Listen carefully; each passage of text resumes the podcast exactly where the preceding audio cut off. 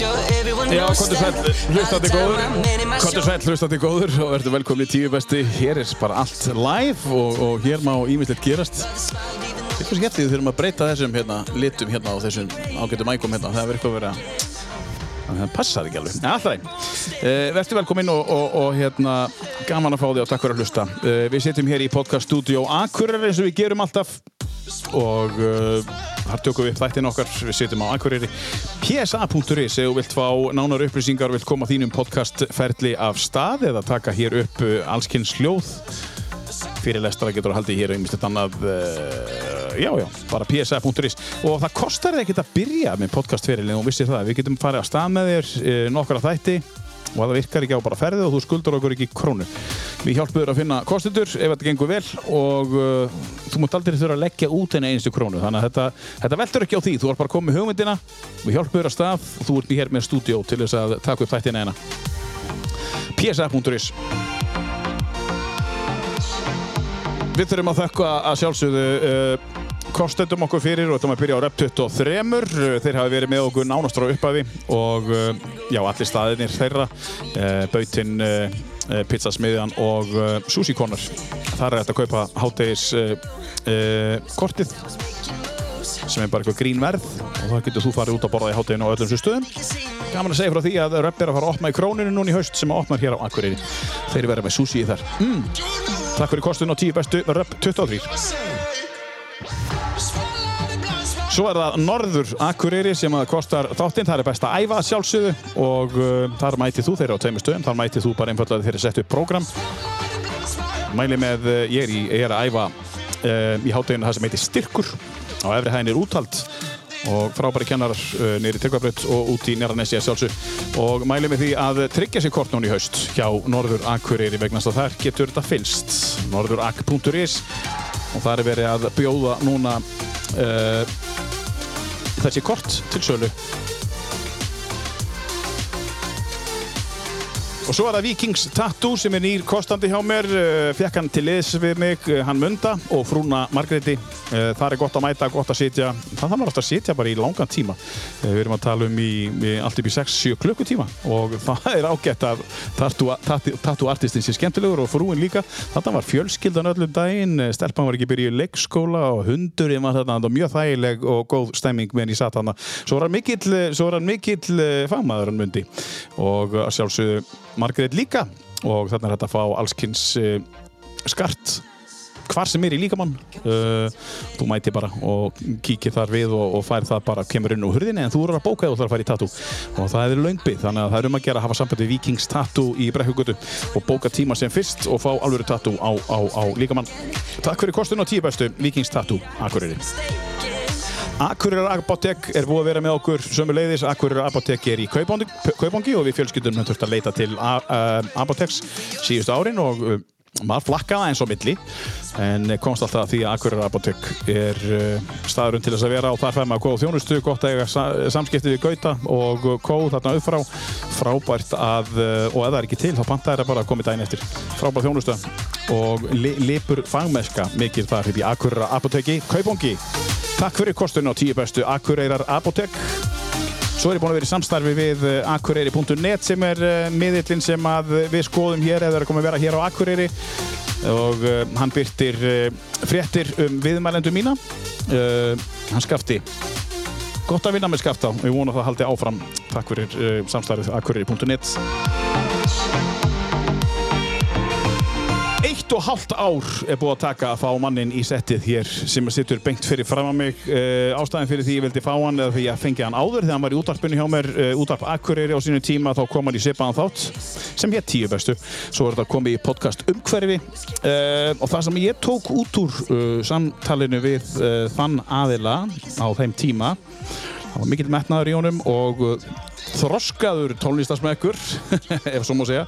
Um, og plussa það sem hann hefur gert uh, hinga til hann er búin að vera að menta sig og uh, það er innan tónlistar og tækni. Þannig að ég ætla að bjóða Haug Sindra Karlsson velkominn og gaman að fá þig í, í sófan eða stólinn loksins. Já, kæra það ekki, gott að vera komin loksins. Loksis, og ef ég mann rétt þá var það ég sem svona eiginlega vældi minn í þennan þátt þegar var komið í podcastum hverju? Já, allavega svona lest vita af þér. Já, algjörlega. Ég er hér.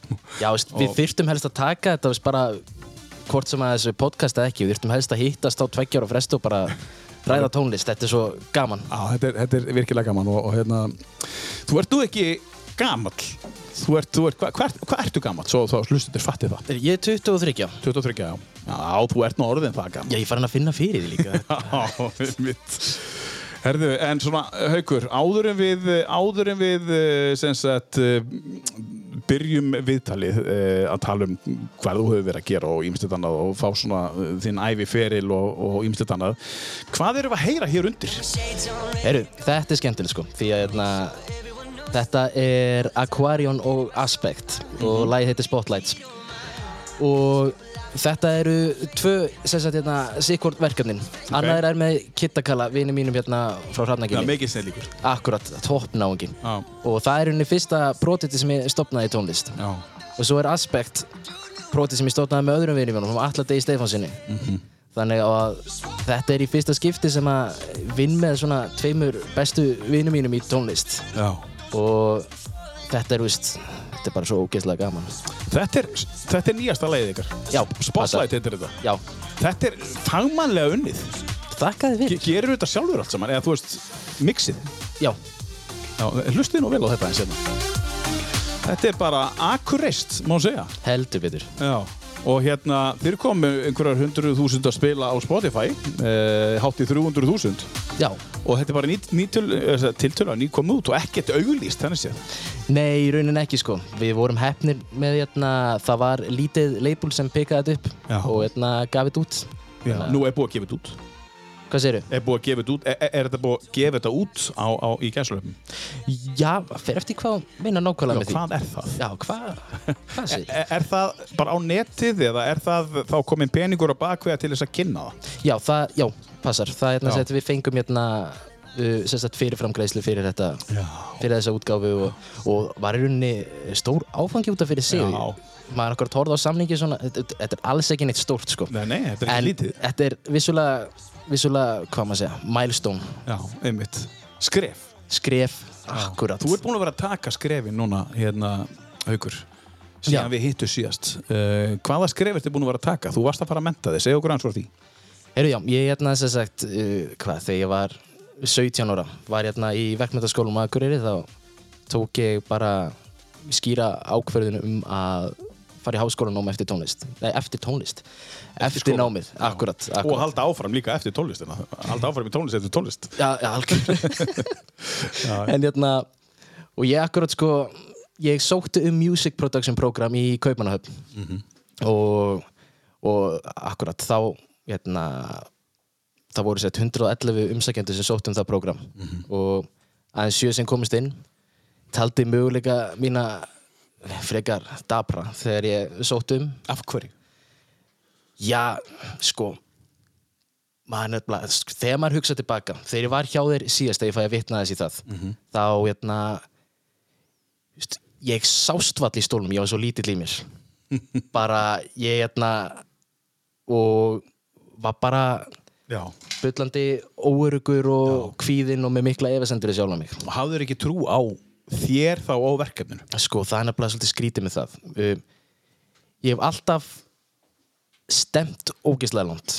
Það hefur aldrei farið, en, en hérna, ég gerði það mjög erfitt samt fyrir sjálfum mér með því að vera með miklar efasendur í sjálfum mig og, og telja þetta í rauninni bara ómögulegt inn á milli. En samt alltaf stemt þangað. Þetta er, já, svolítið skrítið þegar ég svona segi þetta upp átt, en, en já, það er hérna Hvert allar að fara? hvert ætla ég? Já. Sko, draumurinn er að vera á stað eitthvað staðar þar sem að ég get unnið að poptónlist og kvikmyndatónlist samhliða. Það er hérna og, og hérna bara skapa mér nafn í þeim geira og ná góðum árangriði. Segð okkur eins, áður við förum áfram í námið, segð okkur þú kemur frá Hrafnagil, þú ert sveitastrákur og, og, og segð okkur eins hvaðan þú kemur og, og hverra manna þú ert, áttu sískinni og. Já, sko, ég, hérna, ég bjó söðukrúki líka, stóran hluta af, af hérna, lífi mínu. Sett frá hérna, 7 til uh, hvað, 14 ára. Og síðan flytti ég hérna, inn í Eyjafjörðarsveit og hérna, er í Hrafnækjaskóla í 9. og 10. bekk og, og klára akkurat framhaldsskóla hérna líka enn á Akureyri. Og hérna, já, sko, mamma mín heitir Tinna Björg Siminsdóttir, býr í Danmörku. Já, og hérna pappi minn er Karl Jónsson og akkurat býr hérna inn í Eyjafjörðarsveit þannig að hérna og ég á hvað, þrjú sískinni hérna í Eyjafjörðarsveit já, svo ég hérna sem býr í Stekkisólmi Já. og sískin út í Danmörku líka. Vá. það er, já, veist, bara Út um allt bara. út um allt það er hérna, Þannig að þú ert ríkur maður. ég er forríkur Já, en sko þegar þú fórst í tónlistanámið til Köpin uh, ástæðan fyrir að Köpin var fyrir valinu var það því að mamma bjóðar eða var það bara hepp, heppilegt á hann bjóðar? sko, bæði og ég ætlaði náttúrulega bara í Berkeley fyrst eins og, eins og. Birna akkurat hérna fór Já, það, og síðan svona skoða maður aðeins möguleika hérna á, á hérna öðru námi innan Evrópu sem var ekki hérna, sjúklega kostnaðasamt og ég sá akkurat hérna hóluð þarna inn í danska kerfinu að ef ég flytt til fóreldri sem var lögheimilið þar fyrir tvítugt já. þá fengi ég háskólanámi frýtt Ertu ekki að grína? nei þetta ég vann í einhverju lotteri þarna sko Já, ekkert smá. já, þannig að En Birna var nú hérna. Uh, Birna sem var, já, hún, hún kemur frá Grenivík og, og, og ég skor á því, lustaði góður, lusta á þann þátt líka. Hún, endilega, ég mæla með því líka Eh, Þið eru að hugsa eitthvað sér bara? Eða hvað? Já, ég tengdi allavega við Marta því sem hún sagði sko. Já. Ég náttúrulega ekki, ég tengdi náttúrulega ekki neitt persónulega við akkurat að vera að, hérna, að vera kona í tónlist Nei, en, en gjössanlega allt hérna, allt hitt. já, það akkurat sérstaklega góði punktur hjá henni með hérna, að fresta var mér, mér fannst þetta svo Þú tókst eftir því eins og ég líka. Algjörlega, Já, vá, ég tók svo svakalegt. já, það er nefnilega Ótrúlegt. já, þetta En þú tókst eftir því líka? algjörlega og ég, ég var akkurat að taka hérna yfirvinnu hérna, ég var að keira með krakka tína rusl hérna eina helgi og var með þáttinn í eyrunum. Og hérna og ég akkurat bara heyrði þetta og bara bingo, það, þetta bara tengi við þetta Já. Vistu, ég og hérna allir vinnu minn sem er að gera tónlist með mér hérna akkurat, með listamannafnið Atla Spotify, mæli með að tjekki á því Alli, já. hann hérna, við höfum mikið verið að ræða þetta í hérna, nákvæmlega þetta nefnum bara uh, orðun öðruvísi Mhm. það er hérna, og við orðum þannig að við erum að býða eftir setni sikurbúðanum það er náttúrulega var gerð rannsókn hérna, akkurat með bara smáböld Mhm. og þegar var, hérna, það var plantað hérna, sikurbúða fyrir fram að þau Mhm. og bara, ok, ef þú býður í smá stund þá færðu annan sikurbúða Já. og bara, og síðan var yfirgefið herbyggið Mhm. og sumir byðu, sumir byðu ekki Mhm. síðan fylgst með þeim út í gegnum lífið og þeir sem tóku þeir þeir sem byðu eftir öðrum sikurbúðanum Mhm. þeim bara svona gekk almennt betur Já. þannig að, hérna, að fresta allsælunni mm Mhm. maður, akkurat við erum að býða eftir setni sikurbúðanum Hún sko, Birna talar um að fresta allsæðinu bara svo hlustandinn skilji það og ég skora aftur að hlusta á, þann þátt. Uh, þá talar hún um sko að þegar hún er hvað, 16 ára að þá ákveð hún að fara að uh, læra á píanó, eða sérst taka framhaldsnámi píanó, sem þýtti það að hún þurfti að sitja fyrir framann píanó svolítið lengi og, og, og, og á dag og þegar hún talar um að fresta allsælunni þá sagði hann, ég þarf ekki að fá allt þú veist, í einu, þú veist, bara það þarf ekki að vera gaman hjá mér allan daginn skilurðu. og þannig að þú veist, það var ekkert alltaf gaman að spila þannig að hún frestaði allsælunni með að hún var að taka píónómi sem hún þurfti til þess að fá framhaldstíð eða komast á framhaldstíð sem að kominu þá í hann skóla og hún fekk einhvernina nákvæmlega. Og hérna sem er stórkvæslegt en sko, um, en, þetta kallar hún að fresta allsælunni að mm. frestinni bara rétt á meðan því að krakkar í dag eru svolítið upptekni við að 16 ára kannski bara að hafa gaman allan daginn og ef það er ekki gaman þá bara, mér má ekki leiðast.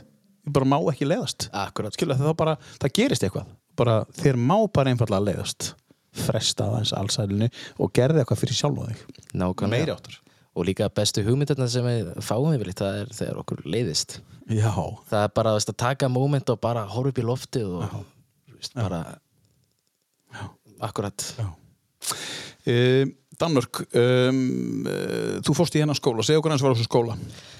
Er já, þú ég, sóttst eftir, það voru, það voru 111 sem komust sóttst eftir, það voru 7 sem komust inn. Já. af hverju komst inn?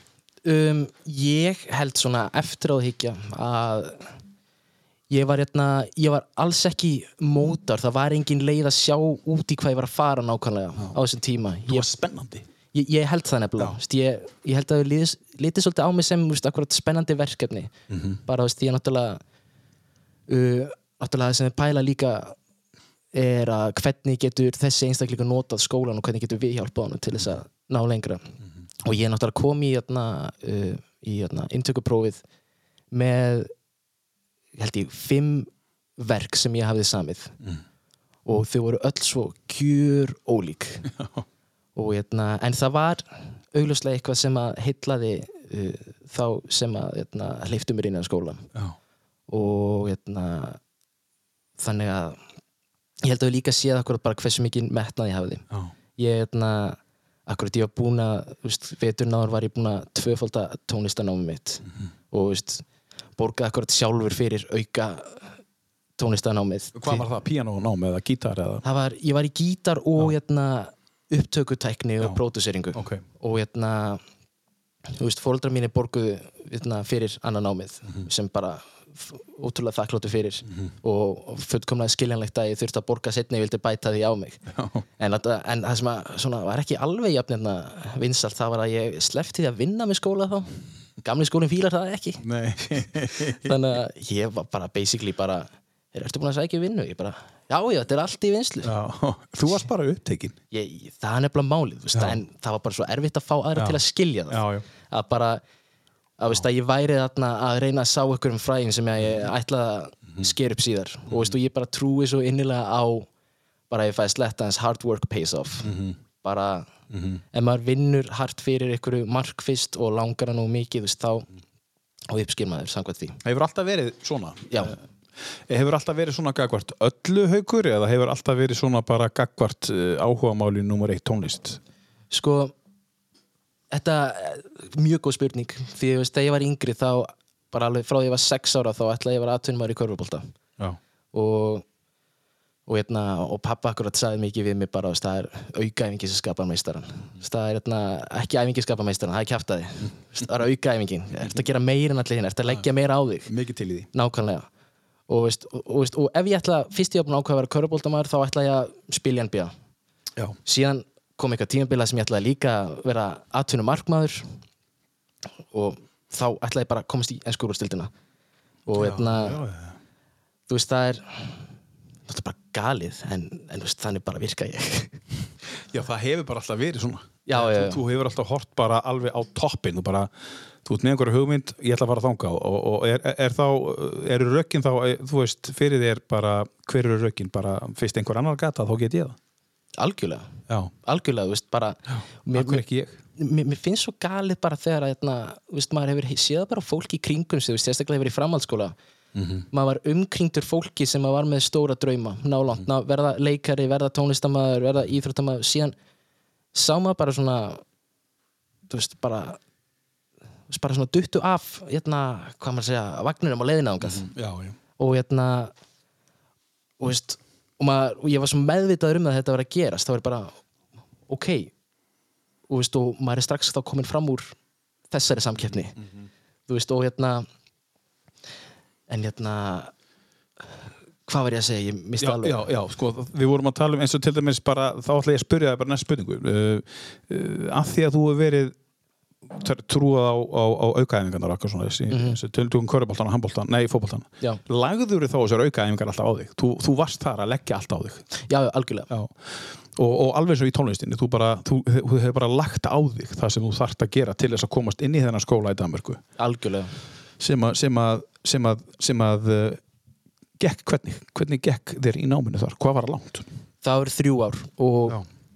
svona ef ég líti á heildina þá, þá hérna fyrstu tvö árin voru afskaplega erfið Já.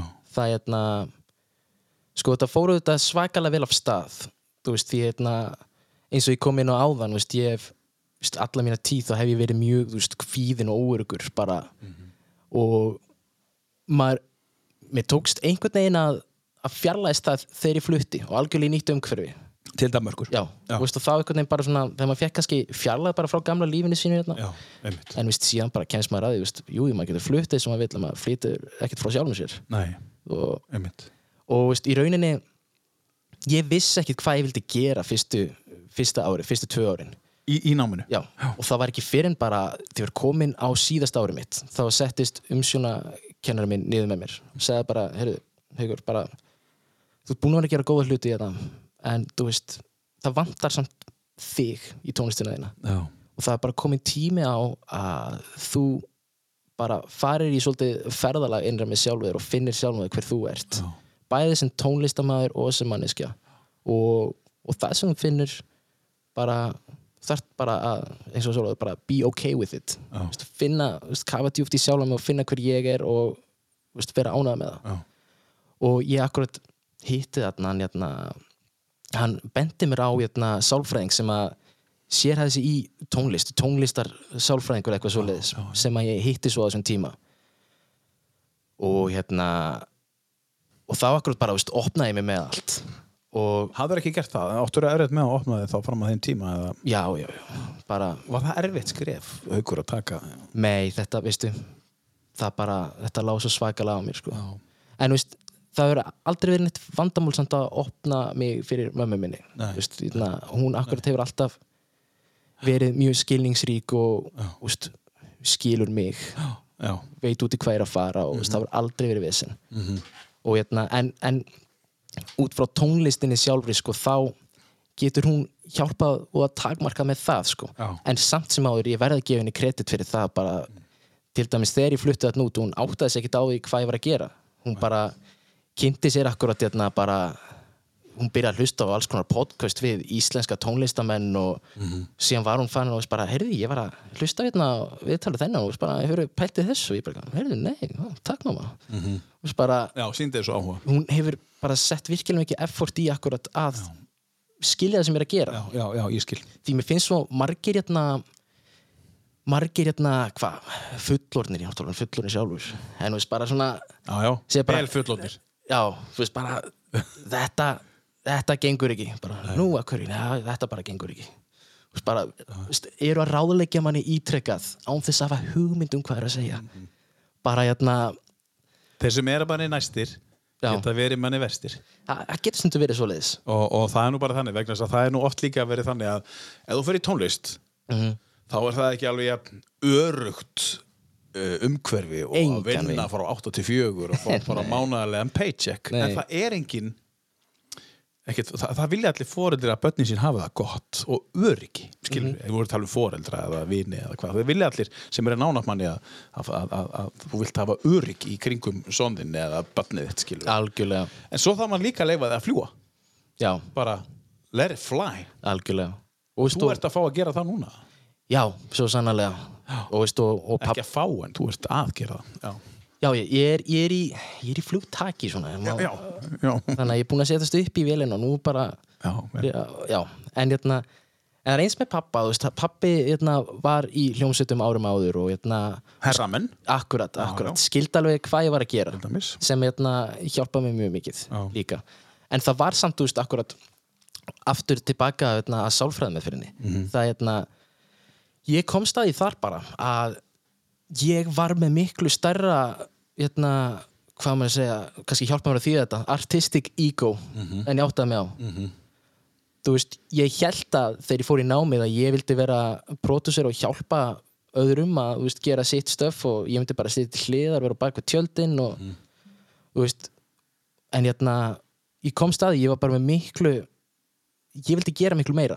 Þú vildi vera fronturinn? Ekki beint sko, nei, ok. Ekki beint því er bara, jú, fyrir sjálfa mig. Já, og ég, akkurat síðasta ári mitt bachelorverkan mitt var í raun bara plata sem ég gerði. Já, ég ég hérna, söngu inn á hana sjálfur í samtitt lögin, ég pródúsa allt, ég gerði allt saman sjálfur á henni. Og samtir allt? Já, samtitt allt, veist, þetta voru eitthvað 15 lög eða eitthvað. Wow. þessi plata, þessa plötu á ég bara. Já, þetta er ekkit, þetta er ekkit inn á streymi sveitu en ég þurfti bara, svona eftir á að higgja þá sá ég bara, þetta var eitthvað sem að ég þurfti bara að gera fyrir sjálfa mig. Já, og eftir það, til dæmis, bara, til dæmis eins og þegar ég er að pródusera alla hérna, besta vinn minn það var allt svo miklu einfaldara eftir það. Ég þurfti bara að gefa sjálfu mér þessa aðtikli sem ég voru búin að dreifa frá öðrum sjálfu mér bara alla mína æsku og fram að þessum punkti. Ég þurfti bara að bara fá að gera þetta. Vá. og það var bara nóg fyrir mig það er nóg fyrir mig að ég hafi gert þetta vita að ég hafi gert þetta og eftir það akkurat hefur bara verið mjög einfalt fyrir mig að vinna akkurat pródusera fyrir aðra og vera taka eins hérna að farþegasætið í því. Var þetta heldur það sem að kennarinn var að byggja þeim að gera á sínum tíma? já, uh, algjörlega, veist, hann ég held Vinna hann að við séð það Já. en ég var alltaf að fela mig. Til dæmis þegar ég var að sína eitthvað með mínum söng í skólanum söng ég mjög veikt í mikrofónin lækkaði í því, þú veist, bara bara alltaf byllandi óörugur þarna. Það er erfitt að selja sér bara í gegnum þú veist, þú ert að opna bara á allt skilur. algjörlega. Og töluðum með það bara, við talaðum með fleiri tónlistamenn að, að bara setja sleðana upp og hækki öllu og bara go þú veist, og svo bara tekur kosmósin við og bara hvernig líkar þér. Af því að Nákvæmlega. með því að hendur svo út ertu reysulega að spurja hvernig fannst þér þetta? Þú nákvæmlega veist, af því að, en sko þú veist, að- þú ert að skrifa einhverja bók þú gefur hún út, hún kemur út þá ert að spurja, hvernig fannst þér þetta? Þú ert alltaf, þú ert alltaf viðbúin gaggríni algjörlega. Og maður þarf að vera tilbúin að taka við henni. Já, og maður þarf líka að vera duglegur að filtera út það sem er kjaftað og hvað já, ekki. já, já, en varst þú tilbúin í það þegar þú varst til dæmis að gefa út með Aquarion hérna á sín tíma? Uh, varstu tilbúin í gaggríni sko, já, á þeim tímapunkti þá já, Já. bókamál því að ég vissi hvað ég væri uh, grætni í þessu þá. Já, og ég var með akkurat bara solid network af hérna, einstaklingum sem voru hérna, betri en ég í þessu og gáttu að gefa mig gott feedback. Mm, svo uppbyggilega gaggríni algjörlega, algjörlega. Vissu hvað ég voru að segja veist, ég get ekkert sínt þú veist, ömmu þetta og hvað finnst þér. Bara, "Æ, mér finnst þetta heldur hávært þú veist, það kannast mér ekki nei, það gaggrast þér ekki neitt sko. nei, nei, Nei, nei, ég skil þig. Um, Á sínum tíma við möttum að fara dýpra í þetta allt saman. Á, á sínum tíma uh, já, allir sé ekki komið tvö eitt og allt á síðan þá bæði ég um að setja saman lista og þú sagðir að hann hefði verið tilbúin fyrir einu og hálfu ári síðan. Já, já, Þú ég, ert ekkert búin að róta við hann nei ég var að hugsa, ég vaknaði í nótt Já, og bara, er, hann er ekki góður. Síðan fór ég bara að sofa og ég, bara, ég ætla ekki að taka neina nei. ákvörum að breyta listanu degi fyrir viðtal, það er gali þannig að ég bara held mig við hann. Þegar þú settir þetta saman, var þetta erfitt? Þú veist, þegar þú hlusta svona mikið á tónlist? Um, sko, ég leita á þetta svolítið þannig bara að þetta voru lög sem ég var að hlusta mest þá í bland við svona, kom segja eitt af mínum uppáhalds bara of all time. Er lag, er lag þetta inni sem er uppáhaldslæg heldur betur, já. Og er það síðasta lagi sem við ætlum að spila? Já. Ok, Þannig að, já, laka til. Þú áttir uppáhaldslag. Algjörlega. En eh, bara til þess að hefja leikin á hverju eigum við að byrja, Haukur? Heru, við skulum byrja á lagi sem heitir Fight It og er með Ás og Elijah Midjord. Hvað er þetta? þetta eru strákar frá Söðakróki Já, já. Ás er hérna, sagt, við gerum lag með honum í Aspect sem er verkefni sem er með með alla vinið mínu líka. Já, og hérna, við hérna, byggum í sömu götu, ég og Ás. Já, já á sögurklokki já, hann heitir sett Ásker Bræði Já, já pappans kendi mér mynd, myndment í skóla og, og hann og yngri bróður minn voru bestu vinir hérna, á, hérna, þeir voru ungir og, og ég bara akkurat með hennar lista það er svo mikið að gleði tónlist inn á þessu. Já, Þú bara, já. Notarðu það til þess að virkja þig? já, Notarðu tónlist í það? nei. Nei. Þegar ég glaður þá hlusta ég á ég er bara svo miklu glaður í dag heldur en ég var fyrir fyrir hérna, nokkur mánu síðan. Já, það er æðislegt Tónlistin er búin að opna þig? Já, algjörlega, algjörlega. Skulum heyra þetta brotur þessu lagi, Fight It. Ás og Elijah Midjord Báðir bara frá sögurklokki Já. já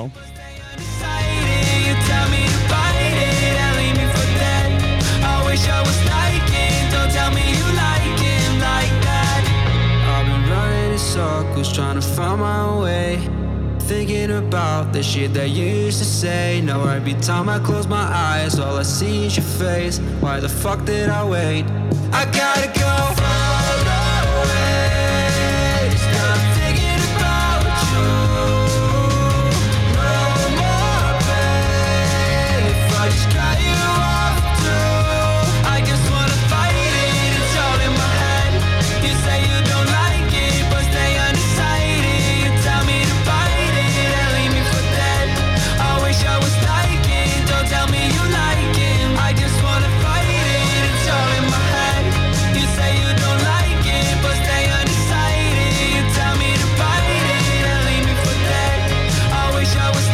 Að tala um uh, tónlistamann Haukur sem er með uh, næstu í 900.000 monthly listeners á, á Facebook. Hvað gæði er þetta? Nákvæmlega, það er bara Hann er á sögurkrók bara. hann er frá Söðurkróki og hann er nýbúinn að sæna díl hjá hérna eða nýbúinn að gerast fyrir árið eða tveimur ánum síðan hjá hérna, hvort það heitir 12 Tone Records Já. sem er í New York Wow. og hérna sama hérna label og Anderson Paak er á fyrir þá sem kveiki á því Já, já, en hérna hann sem sagt bara, hann er bara crushing it bara, það er þannig. og, en það veit enginn að því hann, Hvað sagði þetta? Ásker Bræi. Áskipræði, Ásker Trösti, Ásker Bræi. nákvæmlega Þetta er bara, en ás, þetta er svolítið flott. O-U-S-E. Já, hann er hann sagði frá því viðtali eitthvað tíman að hann var mikið hérna, að spila tölvuleiki á netinu og, og veist bara, og allir að spyrja bara, heyrðu, hvernig berið fyrir nafnið þitt og bara, heyrðu, ás, þetta er eins og í hásnöðu bara mínus Já, þannig að hann bara ónaði það já, það er bara velgerst. Já, eldur betur Herðu, segð okkur aðeins frá uh, verkefninu ykkar. Mér langar aðeins að taka, tala um hérna Aquarion. Um, á Aquarion. Það, er skrifað uh, A-Q-U-A-R og svo tvö I Já, og O og N. Um, hvernig var nafnið til þess að við byrjum á því? Hvernig, hvernig var það til? heyrðu, það er nú bara einfallega þess að ég er Aquarius í stjórnumerki og, og Kitty er sk- Skorpjón Já, ok. Við bara blöndum því saman og bættum við auka í þarna upp Já, á vel svona tribute til Avicii Avicii, já. já. Það er svoleiðis. En veist, við erum ekki að gera við erum ekki að gera neitt Nei. inn á þessi dag, þetta er bara veist, þegar ég og Kitty hittum svona einu svona árið sem þetta hefur verið þá þetta er bara eitthvað svona sem við gerum saman mm. En þeir eru samt með uh, 200 og uh, já, einhverja þúsund hlustanda, hlustanar á, á, á Spotlight, þess að lagi sem við byrjuðum á. Já, akkurat Uh, hvað er þið meira að gera? Hvað ertu, hvað ertu búin að leipila þig? Hjá, hjá, þú talar um einhvern Atla, hann er inn á, hann er inn á Spotify. Já, allir, bara, bara allir Bara Atli? og hérna hann, uh, Já, já, eh, ekki frændiðin hérna. nei, hann er hérna Þessi hérna, já. Yes. Hóra að tala um Atla Örvars tónskáld sem er frændiðin, við komum nánar á því eftir. Þetta er sem sagt hérna æsku vinu minn, Alli Davíð Stefánsson. Já. og hérna við höfum verið bestu vinni frá því vorum 10 ára. Og byrjum að gera tónlist saman hérna 2020 bara, Já, mjög seint. Já, já. en hérna og, og hérna, þetta eru sett lög sem hann er búinn að semja og sem ég pródúsera. Akkurat eins og ég kom inn á áðan ég þurfti að gera mína plötu fyrir sjálfa mig til að gefa 100% af mér þarna. Já, og það hefur heldur betur skilað sér að mínum mati þetta er virkilega hrifin að þessari tónlist Atli er besti lagahöfundur sem að ég hef hitt Já. hann er með svakalegt eira fyrir melodíum og, og hérna allskins lagahöfundum hann er bara Þetta er strákur sem er hér á Akureyri. uh, hann er frá Söðakrúki og býr þar. já, Já. Eða, veist, hann býr í London núna í London, já. já. þannig að við erum saman í þessu félagarnir Já, já. og hérna, og þetta er svona minn megin fókus núna um þessar myndir hérna, ásamt hérna, því að koma mér fram sem kvikmyndatónskáld þannig hérna, það er svona þessi tvei boltar sem eru að halda á lofti núna já. Hvernig gerur það? Hvernig kemur þér? Hvað þarf að gera?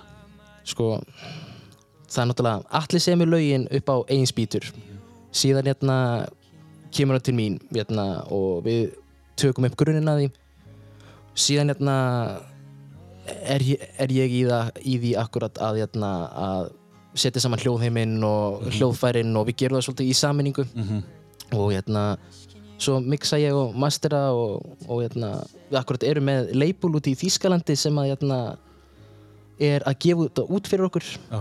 Er þetta 13 Music? já, það er hérna útgefandinn label heitir hérna uh, Two Keys Records Two Keys Records, já. Já. Ok. þannig að hérna og akkurat erum við 32.000 monthly listeners núna sem að er meir en flestir íslenskir Já. artistar í dag Já. Þið með, er þetta, er þetta þú og hann saman í rauninni? Þú veist, Alli, er þetta, er þetta þið tveir? já, þú veist sko, Já. hann er náttúrulega fronturinn á þessu Já. og, hérna, og ég akkurat tek svolítið farð þegar setja þarna sem ég finnst bara En, en geggjað. ef þið, færið að túra, Mhm. værirðu með honum í túrnum eða færi hann einn? Uh, já, þú veist Já, það er akkurat tónleika núna á The Bedford 11. oktober og ég er í hljómsveitinni Já. þannig að hérna við erum svolítið eftir bara hvernig hérna, umhverfið er Já. því hann er með geggjað setup sko með bara með hérna ramaskítar og, og cajón og svo hann á Mhm. hérna, gítar og söng sjálfur sko. En segðu mér, eh, þessi gæi, hefur hann fengið eitthvað eitthvað nót hérna heima? Nei. Ekkert? Uh, hann, hérna, hann var fjallað um hann einu sinni á K100 Já.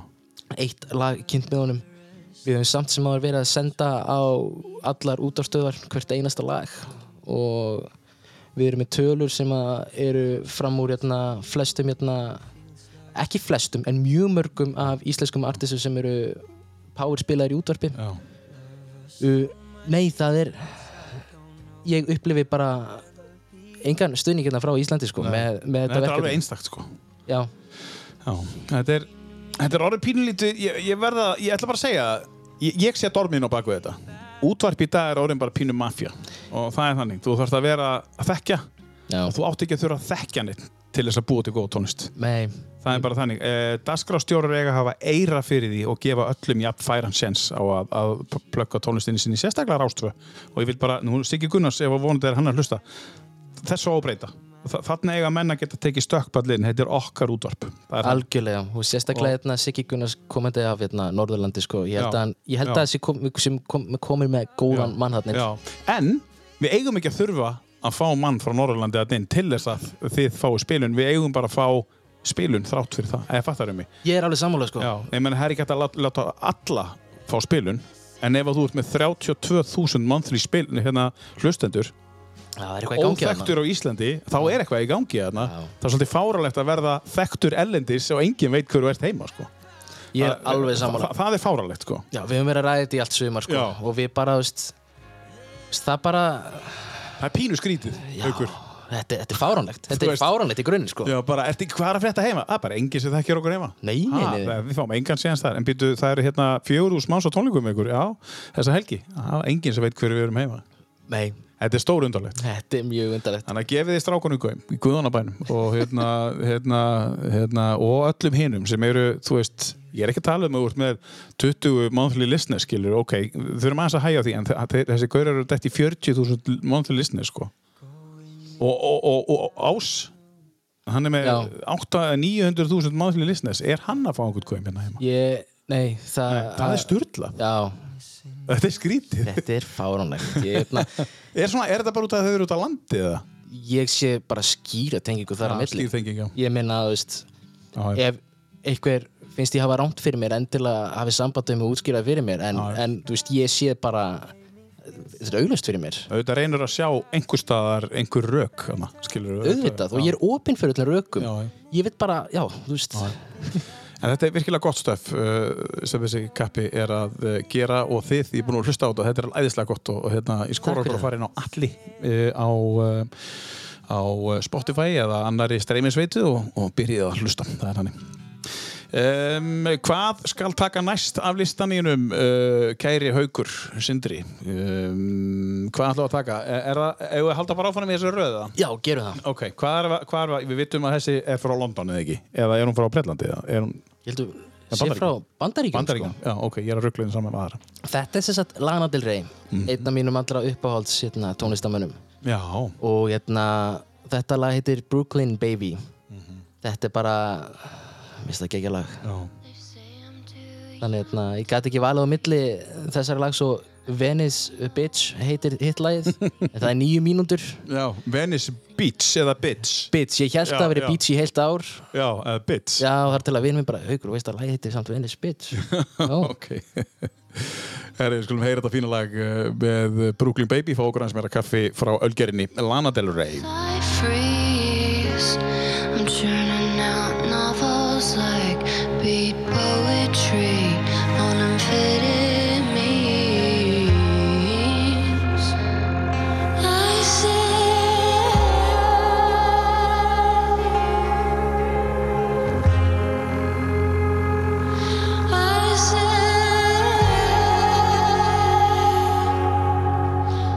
My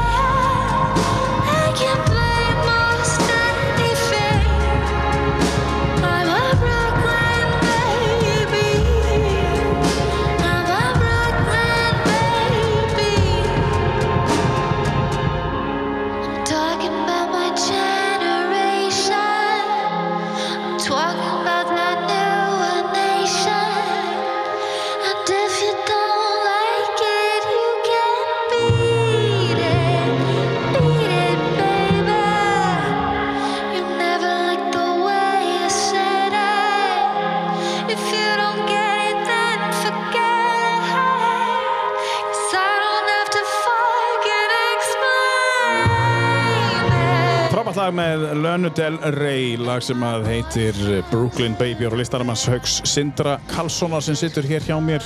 Uh, það er bara þannig. Uh, frábært lag, þetta hef ég aldrei heyrt á þér fyrir en í morgun. Já, þetta er geggjað. Er mjög flott og, og þetta er bara einn á topp 10 listaninu, kallið minn. Hvernig er að Já. opinbera sig með, með, sína, með sína tónlist? Hvernig, er, þetta erfitt eða er þetta skemmtilegt? Eh, Mér finnst fátt skemmtilega en að fá að tala um lög sem ég finnst góð, sko. Já, já. Er, En færðu plattform til þess með vinnunniðunum eða? já, það finnst mér svo geggjað akkurat þegar maður er komin í þetta umhverfi akkurat, í þetta háskóla umhverfi í tónlist. Já. Það langar öllum að vita hvað maður er að heyra og mér langar að vita hvað aðrir er að hlusta og, Já. og veist og bara og mér finnst sérstaklega gaman að í skólanu sem ég er í og segja bara já, uppáhaldsartisti mín, það er sennilega Drake sko, Já, bara já, já. það hérna og fólk bara, já, en hvað finnst þér um hérna Ravel, bara, æ, hver er það aftur Já. Já. En sko, þe- þetta, uh, að geta opnað á að tala um áhugamálið þitt nummer 1, 2 og 3, hefur það hjálpaði til þess að opna þetta sem þú þurftir að opna? Þú veist, já, ég held hérna það kannski var ekki plattform í það, þú varst bara fastur hér með vinum sem voru kannski í íþróttum og þau vildi bara tala um fótbolta og, og svo varst að reyna að tala um tónlist við einhvern og, og, og, og það gerist ekki neitt og, en, en, fyrst þú kemur á svona stað þar sem getur bara, bara, bara tala um tónlist allan daginn hjálpar þetta þú veist, við erum að tala um áhugamáli þú ert að fara að vinna við áhugamáli það sem eftir er æfinar algjörlega, Þú það er hérna bókamál, svona, ég hef ekki pælt í þannig áður. Það er pótitt gert þú veist, bara svona já, bara svona samansafna fólki sem langar að og ég. Já, bara en á ólíkan hátt. Og það er auðvitað bara ómetanlegt og ég meina, þegar maður fer í tónlistanum akkurat úti þá er maður ekki að allan ekki í minnistöðu þá er maður ekki að fá gráðuna þú veist, jú, jú, það er eitthvað til að sína ömmu og afa og já, ég er með háskólagráðu. En þú veist, fyrst og fremst er þetta örugt umhverfi í þrjú ár, eins og mínu tilfelli til þess að gera sem hún vilt þú veist, í tónlist, það er að segja, prófaði áfram gera mistök. Það er minna svigrum fyrir það að maður er að vinna 8 til 4 þú veist og þú getur þurft að vinna á nóttinni já, þið er nákvæmlega, alveg sama. Veist, bara já. þetta er hérna það er náttúrulega fyrst og fremst bara umhverfið sem að er þú veist, nei, þú gerir ekki nýtt við háskólagráði tónlist. Nei. Þú veist, það eru vissulega undantekningar en þú veist, sem music producer er öllum sama um hvort það sem er gráðu eða ekki. Já, bara þessi góður. Já, nákvæmlega. En sko, þú, uh, þú er komin uh, á annar stað núna, þú er komin í Royal College of Music í London og, Já. og hérna, en förum, áður við fyrir þangað þá langum við aðeins að, hvernig var Danmörk? Hvernig var að vera í skólanum og hvernig fór köpinn með þig? ég, hérna, Bjóst í köpinn? ég bjó í kaupinu ég hérna, þroskaðist voðalega mikið þar. Já, það hérna kom náttúrulega bara fór náttúrulega út bara 19 ára Já. og hérna og Jú, ég bjó hjá mömmu minni fyrsta árið Já. og hérna, svo fór ég í eigin íbúð hérna, sem ég var að leia, eitthvað svona stúdendagarðar var þar í ár Varstu þá einn þar? eða Þa, með? ég var eitt þar sko Hvernig var það? það var, það var hérna, mjög næsin á milli og en gætt verið jafn erfitt líka Já. það bara en sem betur fer á ég mjög góða vini hérna á Íslandi. Og þeir eru alltaf til í að þú veist, taka, taka spjall online, þú veist, hérna, ringi í hvern annan og sérstaklega með vini mína, þú veist, ég, ég gæti í dag, þú veist, ringti á klukka nýju um morgunin og við myndum leggja á, þú veist, þrjú um nóttina, sko. Já. bara, Já, tala bara. bara tala, sko. Já. þannig að það hjálpaði það mér svakalega mikið sko. og síðan bara þegar COVID kom það var engin viðverð í skólanum þá bara fór ég aftur til mömmu. Það bara Já. var of mikið fyrir mig að vera svona mikið einn. Já. sérstaklega því ég hafði ekkert vit á því að gera eitthvað fyrir sjálfa mig. Vist, maður var náttúrulega bara, hvað er ég, þú veist, 20, 21 ás ég, veist, bara í frítíða mín þá var ég bara að spila tölvuleiki og, og svo pantaði mér pítsu og veist, bara, Já. það var snild einu sinni og einum sinni. Já, og svo bara, veist- ég nenni þess ekki. nei, þú veist, hvað, ég var ekki efnað þessu heldur að panta matirna bara. Nei, nei.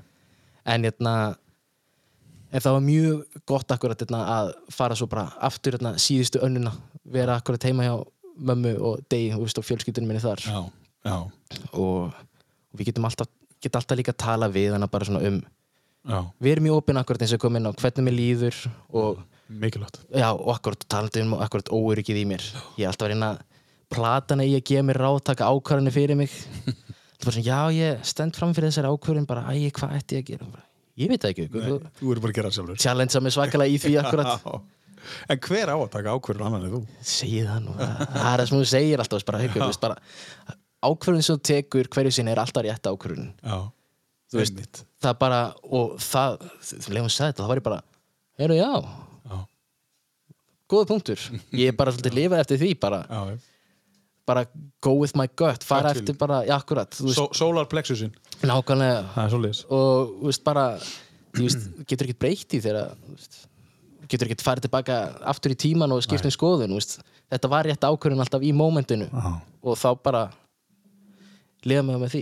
Fyrsta árið svona þegar að uh, ungur einhleipur, ég, ég rekna bara með og hefur einhleipur, ég veit ekki hvort þú hefur einhleipur þú fórst hann út. Uh, kemur hann út mm uh, eitt ár, svo kemur bara COVID. Já, Þú klárar samt alveg árið Þegar, þú veist, þú klárar skólan alveg í gegnum COVID það kemur ekkert stopp, það er bara mikið heima. já Hvernig er þetta að sinna þessu námi heima?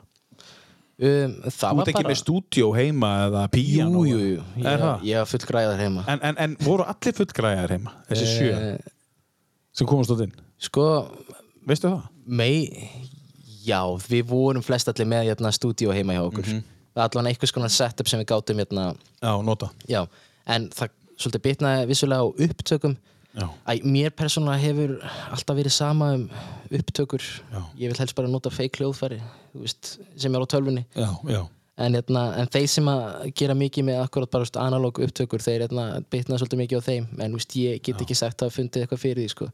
Ég tók ekki eftir í fyrir en bara eftir á hvað þetta hafði áhrif bara á andlegu hilsuna mína Já. að sett, bara fara út og hitta fólk og, og ég þú veist, leit alltaf á sjálf mig sem svakalegan introvert og vildi helst bara vera einn. En komst það í þarna það er bara, þú veist, enga veginn það sem ég vil Nei. þannig að, já. Þú ert bara extrovert og án þess að vita það? Já, svona, svo er þetta svo skrítið. Í London er ég sjúklega extrovert. Já. Bara hérna Ég hérna Ég er gæðin sem segir brandara í tímum og allir fara að hlæja. Ég hef aldrei verið þessi gæði áður. En þegar þú varst lítill, alveg pínu lítill Já, áður en, áður en sko útlit og, og, og eitthvað svona sem trublamann og stelpur fór á trublamann skilur við, eða strákar. Mhm. um, þú veist, hvernig hvað varstu þá svona opinn? Og svo lokast á eitthvað og svo opnast það aftur eða? Nei, ég hef alltaf verið lókaður sko. Já, það er svo leist, ég er ekki segja að verið lokaður en svona, svona introvert. Já, algjörlega, ég hef alltaf verið introvert. Og, og það bara einhvern veginn sko ég held bara, ég hef svo lengi stemt að því að vera kvikmyndatónskáld, ég hef svo lengi verið að leita mínum tilgangi í tónlist. Og ég man bara þegar ég kom í fyrsta tíma minn þarna, þá, þú veist, ég bara grét, ég grét að gleði. Já, ég var svo Vá. ánar að vera komið já, ángað já. Og, og ég held bara, þú veist svona, Bara draumurinn að rætast? Já. Og, og bara, ég trúði ekki að ég væri þarna. Ég var svo ánæður og einhvern veginn fekk bara svona allt sem ég lagt á mig bara var að skila sér þarna. Þú veist, maður er enga veginn komin þangað sem að maður stefnir en þetta var svo svakalega stórt skref. Þannig að, og veist, en svo svo fyndi svo kem ég til Íslands hérna, ég er ykkur í fjölskyldubóði með alla vini mínum og ég er bara mest introvert gæin sem finnur í því. Er það kannski bara landið? Ég held það, sko, í, í, í Danmörku ég, ég var svo hrikalega latur ég nefndi ekki að læra tungumálið. Algjörlega mér að kynna, ég tek það á mig. En þú veist Da- Danin er ekki að tala En þú lærir ennsku já, já, já, og svo fórstu með ennskuna til London. Algjörlega. Þú er bara svolítið sniður já, þetta jú, svona eftir að hekja, þetta var bara briljant move hjá mér. Já, en hérna en þú veist, þegar allir eru að tala ennsku það er allir bara, heyrðu, hér er við Englandi, hér tölum við ennsku þá bara, þú veist, allt annað. Mhm. en þú veist, auðvitað, ég tek það algjörlega á mig að hafa ekki lært dönsku, þetta átti að gera, ég var hérna í þrjú ár, goddammit. En eru ekki, já, skýt með það. En eru ekki, hérna Íslendingar bara bæ- bældari heldur en, heldur en aðra þjóðir Sko nú er alltaf að tala um að, að nor, Íslendingum finnst normenn svo leiðilegir að þeir eru svo lokaðir. Mér finnst normenn bara rosa skemmtilegur og opnir af því ég er nú hálfur normaður En þegar Íslendingar finnst mig vera svona frekar bældari sko. já, er þurfa svona áfengi alltaf til þess að opna sér sko. Sérstaklega á tónleikum Hvernig, hvernig upplifur það? Ég meina, þú veist, að spila fyrir krát þú veist, í London eða þú ert að fara að spila í London núna í oktober mm spila fyrir krát í Danmörki, veit ég hvort þú har gert það á Íslandi eða eitthvað, þú veist. Hefur eitthvað upplifað munin á krátinu þurfu ekki Íslendingar að vera bara hausleysur úr drikju til þess að fíla sig? Það er hérna er ég bara að allan spyrja þessir yngri sko allan, allan þessir sem ég hef séð í kringum mig veist, ég er hérna ég Bara er hérna bældir. já, veist sko ég hef aldrei pælt í þessu áður. Mm. ég náttúrulega ekki, á samanskapi hef ég ekki spilað á neitt svaklega mikið á tónleikum, ég reyna að forðast það. Já, ég er ekki, ég er ekki alveg komið þangað. Nei. hérna, þú veist, og kannski er það bara eitthvað sem ég fíl ekki en, en svo okkur líti ég á Adrians Atla og hann er akkurat að headlæna þarna á Bedford. Mhm. og ég bara, veist, ég hugsa strax bara ok, við þurfum að gera þess flott og hægt er. Þú veist bara, Mhm. ég, veist, ég skal spila á trommur og réttum bassaleikar og gerum þetta almennilega. Mhm. þú veist, og hérna síðan akkurat hugsa maður bara ó, shit, ég, ég að performa. Mhm. já, já, við, við, bara, við bara græjum það, já, ég geri það.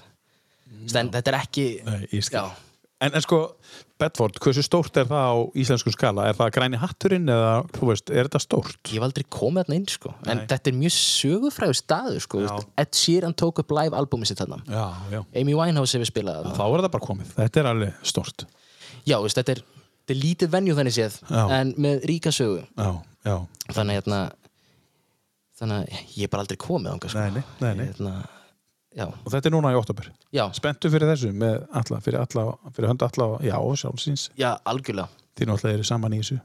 Og, og hvernig fáðu þetta gig? Hver er það sem að sko, hérna, allir er búin að vera gigga af sér raskatið þarna út í London sko. Já, ok. og bara elta hvert einasta gig. Hann sleppir ekki neinu gigi. Nei, tekur allt sem hún er býðist og bara einhvern veginn svona þú veist, ef maður er góður í því sem maður gerir og maður er sínulegur, þú veist, hittir eitthvað og það er einhver, einhver einstaklíku sem hann hittir sem vil fá hann til að spila á aðeins stærri venjúi og svo og öðru, veist, hann var akkurat komið þarna alveg óvænt til þess að hita upp fyrir headlinerinn á Bedford eitthvað tíman já, já. Og spilaði setti sitt veitna, og síðan sagði sá sem var að, veitna, að stjórna staðnum bara, heyrðu, ef þú vilt koma hérna eitthvað tíman setna á headlina sjálfur, bara látt mig vita bara undum, elska að fá þig aftur. Já, já, já Vist, það, er, það er fólk að nút í London sem tekur eftir hvað hann er góður. Já, en ekki á Íslandi.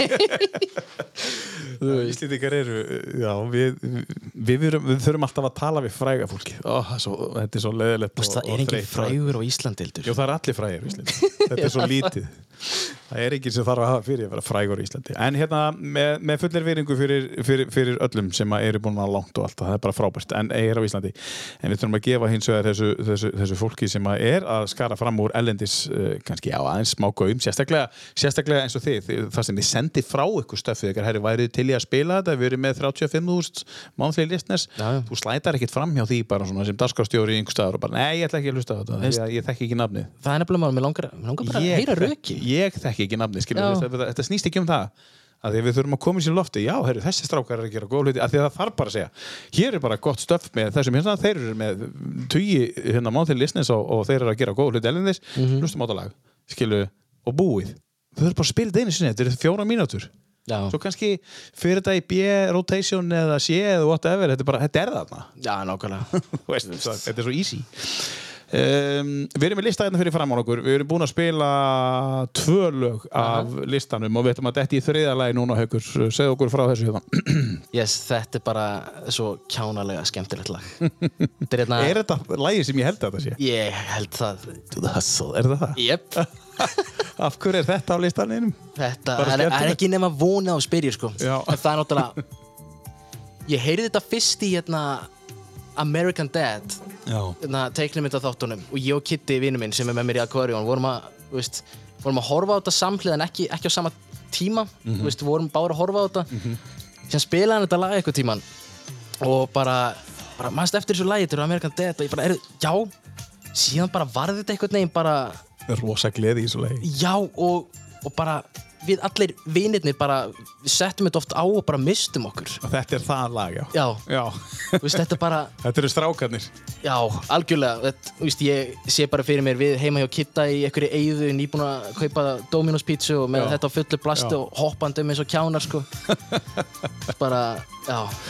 Herðu, heyrum þetta fínast lag. Van McCoy heitir hann The Hustle og þetta er á listanum hans. Hann er 23 ára gott fólk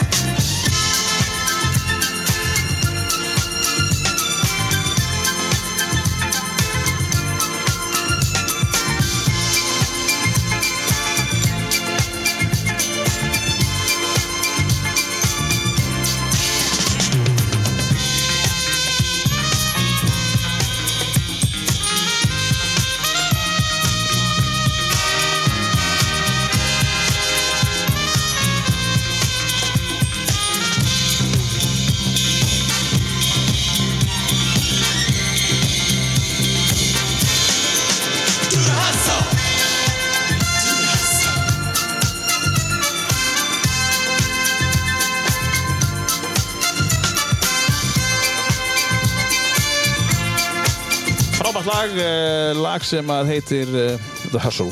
Og, þetta er strákalagið, þetta er þegar vinitinn hittast, eða ekki? það skilur engin í því af hverju hlusta svona mikið á þetta lag, sko. Þetta er alveg geggja lag, sko. Já, Þetta eru minningar. Það er gott að vita, en svo fyndið okkur með hann, Van McCoy. Þú veist, hérna Þetta er algjört one hit wonder og sér hérna næst vinsalasta lag heitir The Shuffle. Já The Shuffle, The Hustle. Já, Já, já, og svo þriða vinsala The Hustle, Super Hustle Mix. Hann er ekki að gera neitt þessi.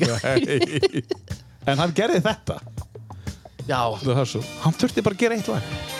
Veist, Í þá daga Já. þurfti bara að gera eitt lag. Hann er örugglega búinn að lifa á þessu lagi í síðan 70 og eitthvað. Já, ég meina.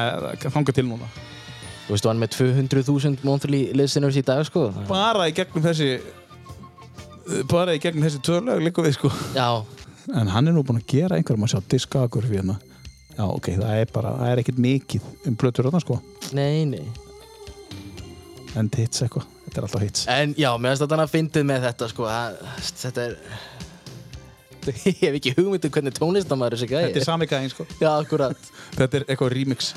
En hérna, uh, skóli sjómast í uh, hérna köpun uh, Þú klárar hann. Um, Síðan ertu komin í The Royal College of Music í London. Hvernig, hvernig, hvernig komstu þar inn og hvað gerist í kjölfarið af, af, af Danmörku? Segðu okkur nú. Vá, sko, sko, það er nefnilega að fyndi sko til að tengja þetta en saman þá akkurat eftir að spjalli við umsjónakennara minn það sem hann sagði mér að akkurat þyrfti að hérna, fara að leita eins að sjálfa mér.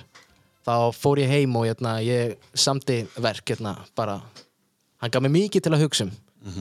Og ég samti verk sem var eitthvað bara piano og tvö cello eða eitthvað svoleiðis. Og þá bara svona já ok, veist, ég var búinn að tjókla kvikmyndatónlistinni með alltaf en vissi ekki alveg hvað ég vildi gera. Þannig ég setti svolítið bara ég hérna, hafði samband við alla Örvars frænda minn spyrir hvort hann mældi með einhverju hérna, kvikmyndatónlista hérna, mastersprogrammi hann gaf mér nokkur hérna, nöfn og ég sá akkurat bara hérna, Royal College of Music var rankaður besti í skólinn í Evrópu. Þannig ég sótt um þar.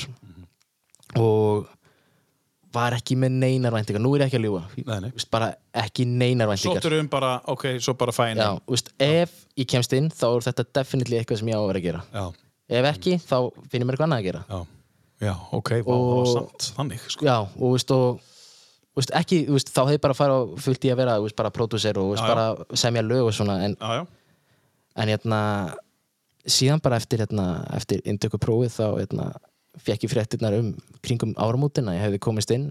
Svo nokkrum dugum síðar fekk ég hérna, akkurat skólastyrk líka. Vá, það ert ekki að grínast. Nei, þannig að það bara fór ekki um öllu mála. Þetta, þetta, já, ég, Þetta er það sem þú ert að gera. Þetta er það sem ég er að fara að gera. Og Þetta er stór skóli. Já, og hann er akkurat nýbúin að taka fram úr hérna, Juilliard sem bestur í heimi samkvæmt hérna, einhverjum, hérna, einhverjum hérna, virtum lista. Mm -hmm. sel ekki dýran í keifta en ég trúi því. Já, við trúum því. Við viljum trúa því, sko. Og þetta er allavega tveir stórir góðir skólar. Já, og, og, og þú byrjaði núna síðustu áramót eða hvað? Ég- Núna 2022, ég byrjaði í september. September, já. Í, hérna, í fyrir það liði svona cirka ár síðan Já, já, og segðu okkur aðeins hvernig fyrsta árið er búið að vera. Það, Hvað er það að er búið að vera meiri háttar. Já. ég er bara búin að vera að gera það sem ég finnst skemmtilegast. Ég veist bara, og ég er að gera og læra hluti sem ég held að ég myndi aldrei ná að læra. Já, eins og, eins og hvað? Bara. til dæmi sko við hérna, ó, fyndið sagarindar við áttum að setja hérna við vorum í tímum sem heita practical skills.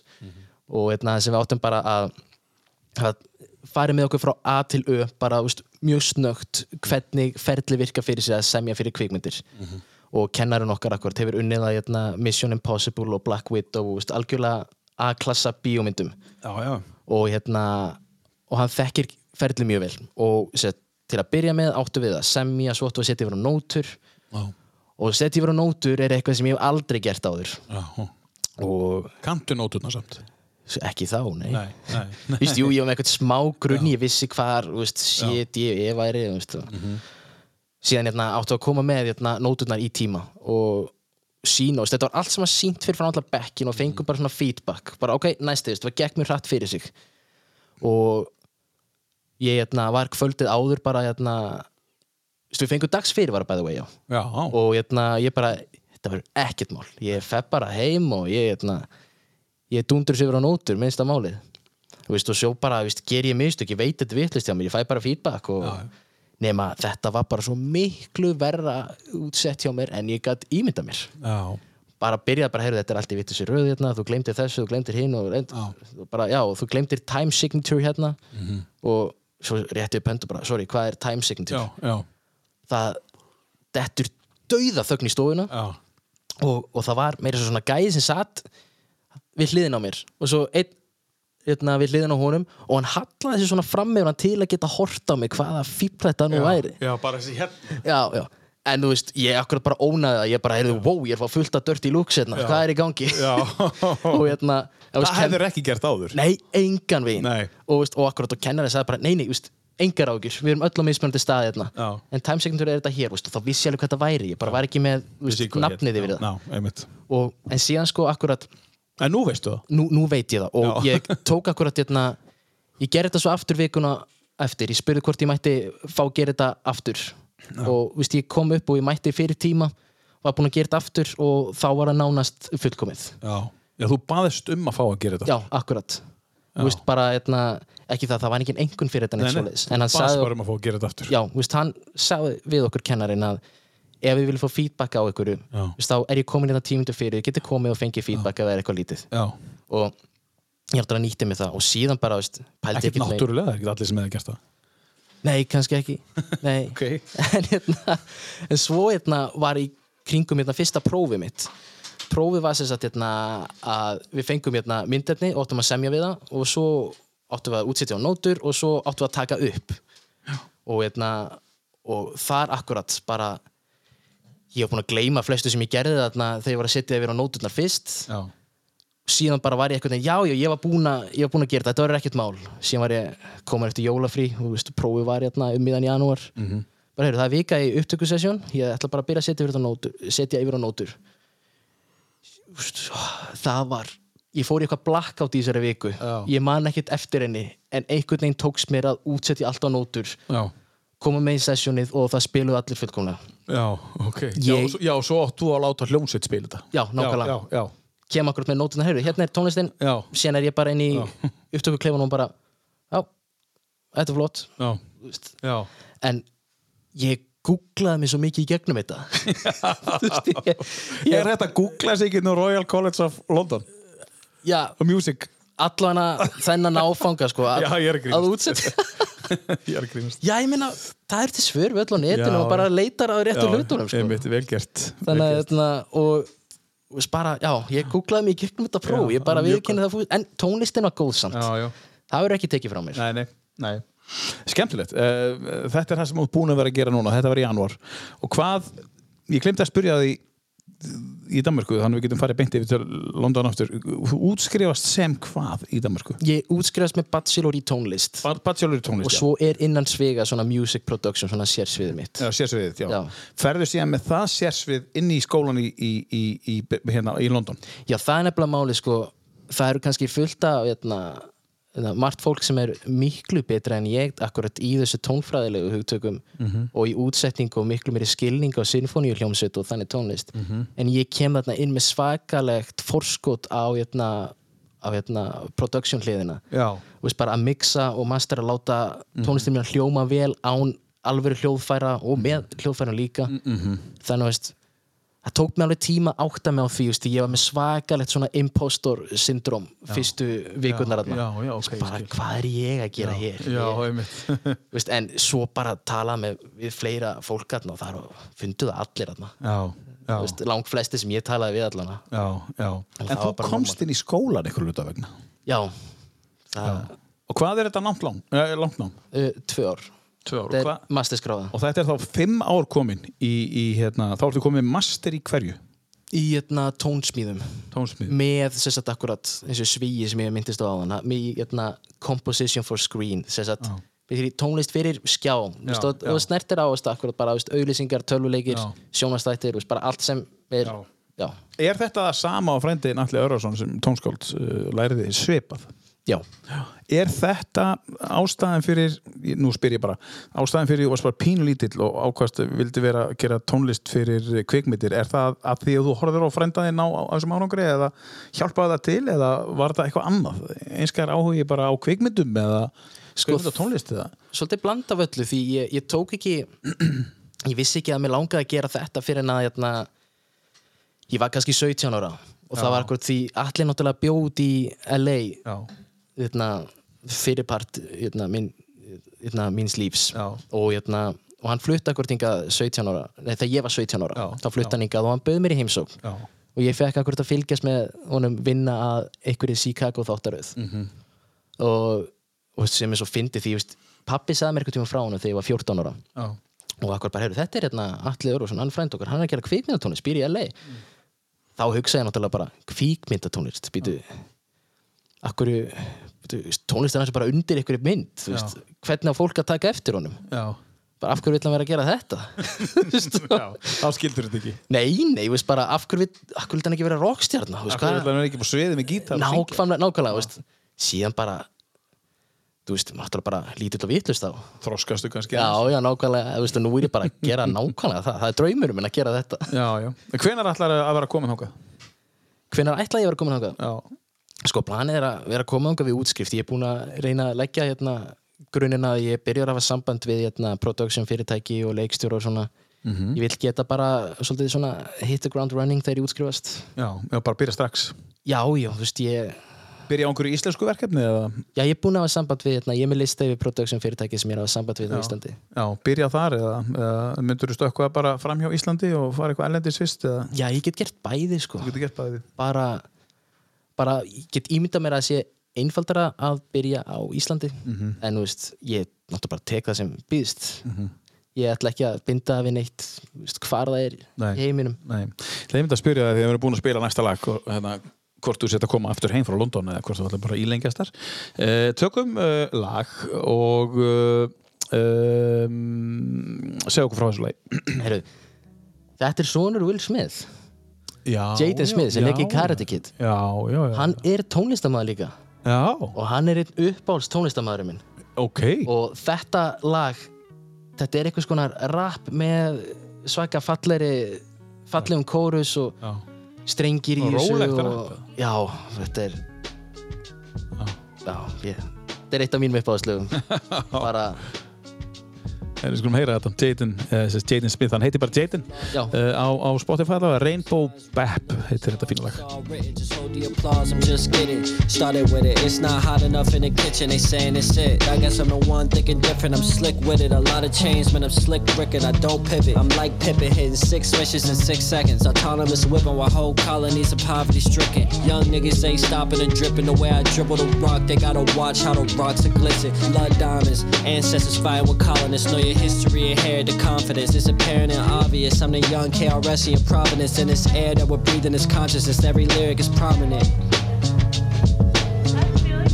Just another cold morning in Paris. I know. I wish I was taking you home, but I ain't taking a long train no more. You don't care about me and it's tough, girl. And I'm trying to feel your love, but I'm not fucked up. But no, man, what a pity. New York City lights glow. How many times I gotta tell you niggas I'm home? Girl, I ain't finna lie, you gorgeous.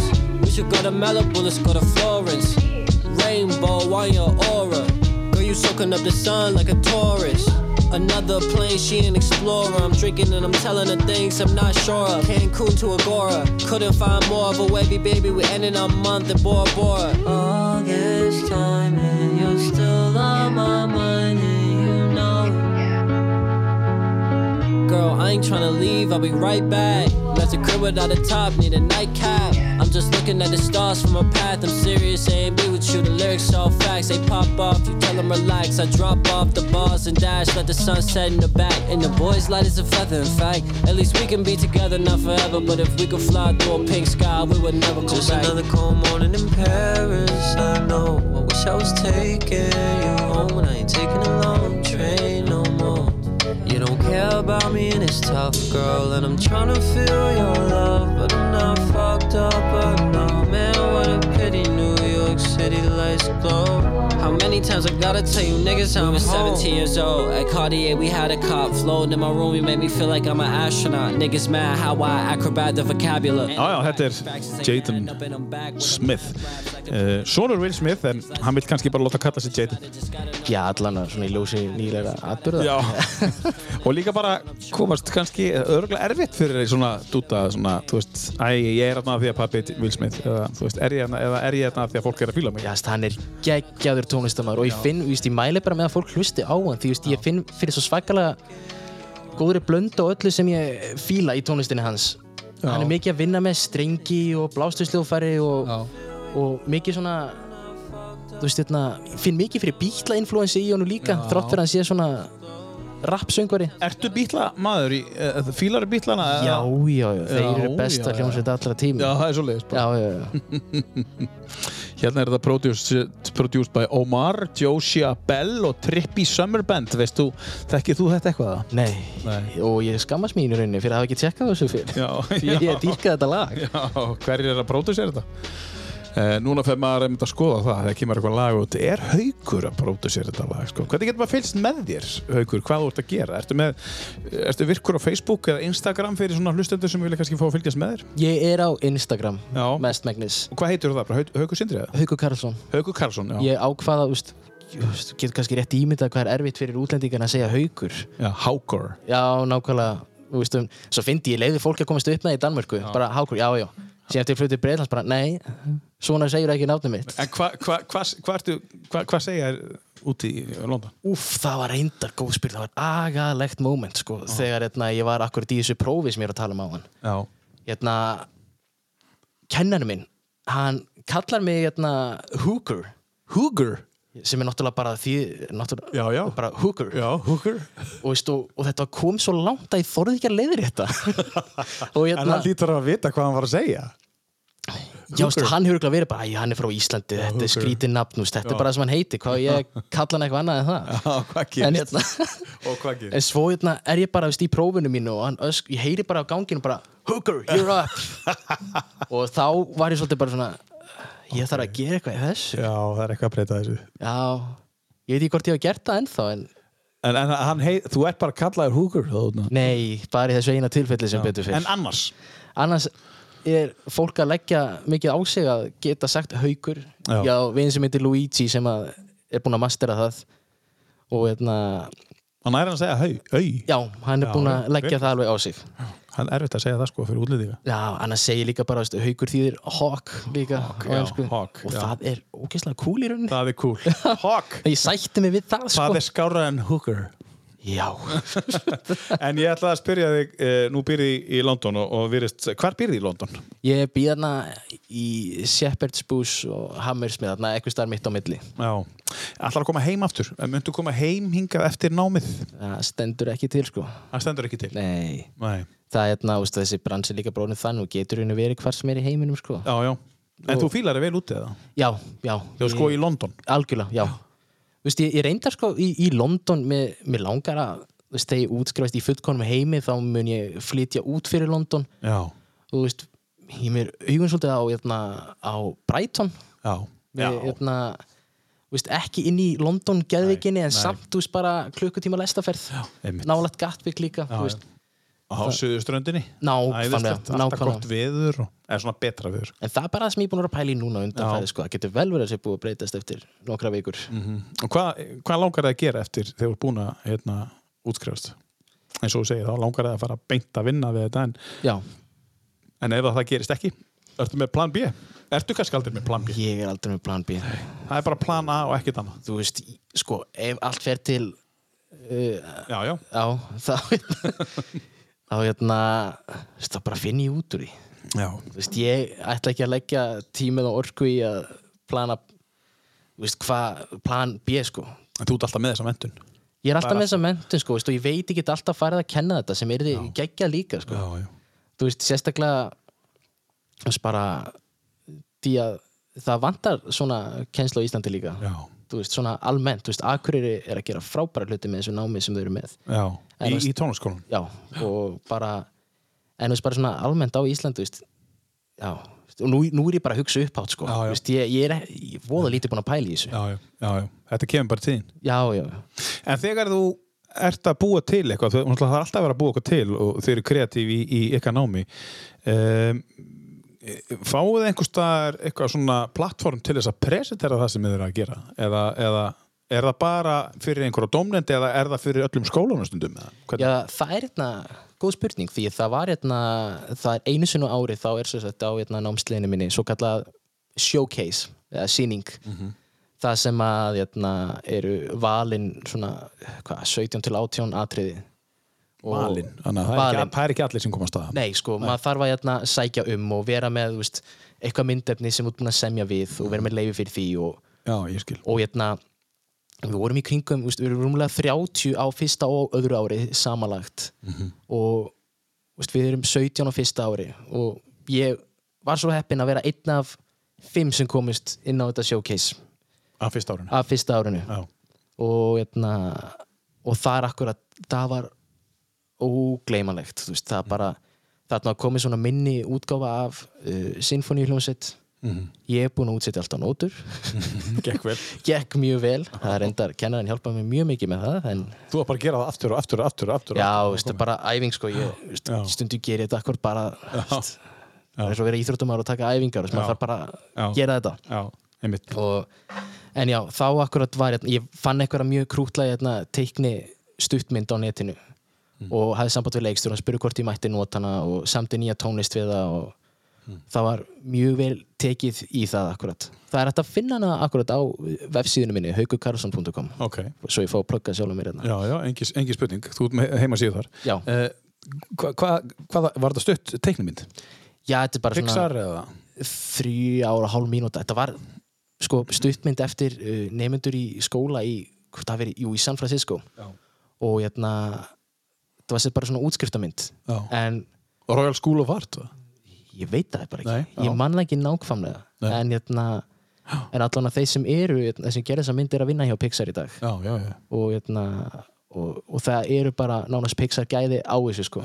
Ég er svo svakalega vikur fyrir þannig stöfi ég dýrka bara svona melodíska teiknumynda tónlist, það er bara Þannig að við erum að tala um, þú getur séð þessa mynd, uh, haukukarlsson.com, þá getur þú séð hvað þú gerðir. já, Og getur þú séð líka hvernig hún var áður, eða ertu með bara hvernig þú gerir hann? ég er bara með hvernig ég gera hana. Ok. Þannig að en það, já, Skemmtilegt. Og, og, og þetta fyrst þú að sína þá skólanum. já Og hvernig eru viðbröðin við þessu? Meina, hver er að horfa? Er hann skólinn eða er einhver nefnd? Eða? sko það er hérna þeir sem að hérna er að stjórna prógramin og kennararnir velja hvað kemst inn og hvað ekki Já. og svo nefnilega í salnum akkurat voru líka hérna, mörg virt tónskáld í bransanum það voru aðilar frá úst, Sony Music og, hérna, Já. og Playstation og Þetta er alveg skref, þetta er alveg stepping stone. algjörlega, algjörlega og, veist, og þetta var fullkomið tækifæri til þess að Já. fleia nafninu mín í hattinu Já, já. og til, til að mynda voru, hérna, var til dæmis Rachel Portman aðna sem að er bara laði svolítið í grunninn af hérna, þú veist, hún var fyrsta svona hérna, konan til þess að verða hérna, svona established kvikmyndatónskáld og veist, þú, og það var okkur tekist upp viðtal við hana hérna, fyrir sýninguna og hún var spurð akkurat bara veist, hvernig áttur ykkur fyrirmyndir í hérna, kvikmyndatónlist, einhver önnur kona sem þú reist hvað slitið upp til og hún bara, nei, Nei. hún hérna akkurat hefur svolítið lagt grunninn að því Já. og virkilega mikill heiður að hún hafi verið í salnum Já. og hérna, Ertu búin að fá einhverja e-maila eða einhverja símyrkingar sem eru óvæntar? Nei, nei, nei, ekki, Nei, ekki ekki, ennþá. sko en Nei. maður heyrir svona út frá sér Já. hvernig fólk var að taka í þetta og kennar minn akkurat sagði við mig bara, já, veistu þessi var virkilega impressed, bara Já. virkilega vel gert hjá þér, bara Já, bara áfram. allan að, maður fekk talsvægt klapp á bakið hana Já. Já. og og, hérna, og svo held ég að, veist, að, að hérna, ef að maður er komin á radarinn hjá þessum aðilum þá eru þau akkurat opnari fyrir því að maður sendir e-mail eða ringir Akkurat. bara, já, ég man eftir, þú veist, þau eru ekki að fara að elda mig eitthvað uppi sko. það eru stór fyrir það. Já, nákvæmlega Margt betra við tíma sinna að gera ekki tíma þetta mér Já. Þegar þú tónir stór, þá ætla þú samt að vera gæðin sem sendir e-mail á undan. Já, ekki spurning Ekki Bara, spurning Hei, ég ætla að vera akkurat öfut þannig að mér finnst þetta frábært hjá þér, halda áfram af því að það hjálpar. Algjörlega, Já. algjörlega Eh, Þannig að þú ert ekki á leiðinni heim eins og maður segir, bara svona allavega á næstunni. Stendur ekki til. Stendur ekki til. Um, uh, heldum áfram með eh, listaðinn. Um, hér eru komin, hér eru komin með lag. Heldur betur, þetta er, heitir því nafni Theme from a Summer Place Algjörlega instrumental bara, þetta er sinfoníst uh, verk í svona popstruktúr þannig mjög einfalt að hlusta á það Mar eh, margir af að heita þetta. Já, nákvæmlega, þetta er eftir sett Max Steiner sem að Já. er svona pínu guðfæðir nútíma kvikmyndatónlistar Já, sem setti svolítið standardi fyrir það sem kvikmyndatónlist er í dag já, já, Max Steiner. Uh, a Summer Place er þá líklega bíómyndin? Uh, Já, eða hvað? akkurat. Er þetta eitthvað svona svipað að gerist í litlu teiknumyndinni, þryggja og hálfsmínutna, svona svipað? Já, og þú finnur helviti mikið inspiration þaðan sko. Já, já. Haukukarlsson.com, endilega kíkt á þetta meðan að kannski þetta er í gangi.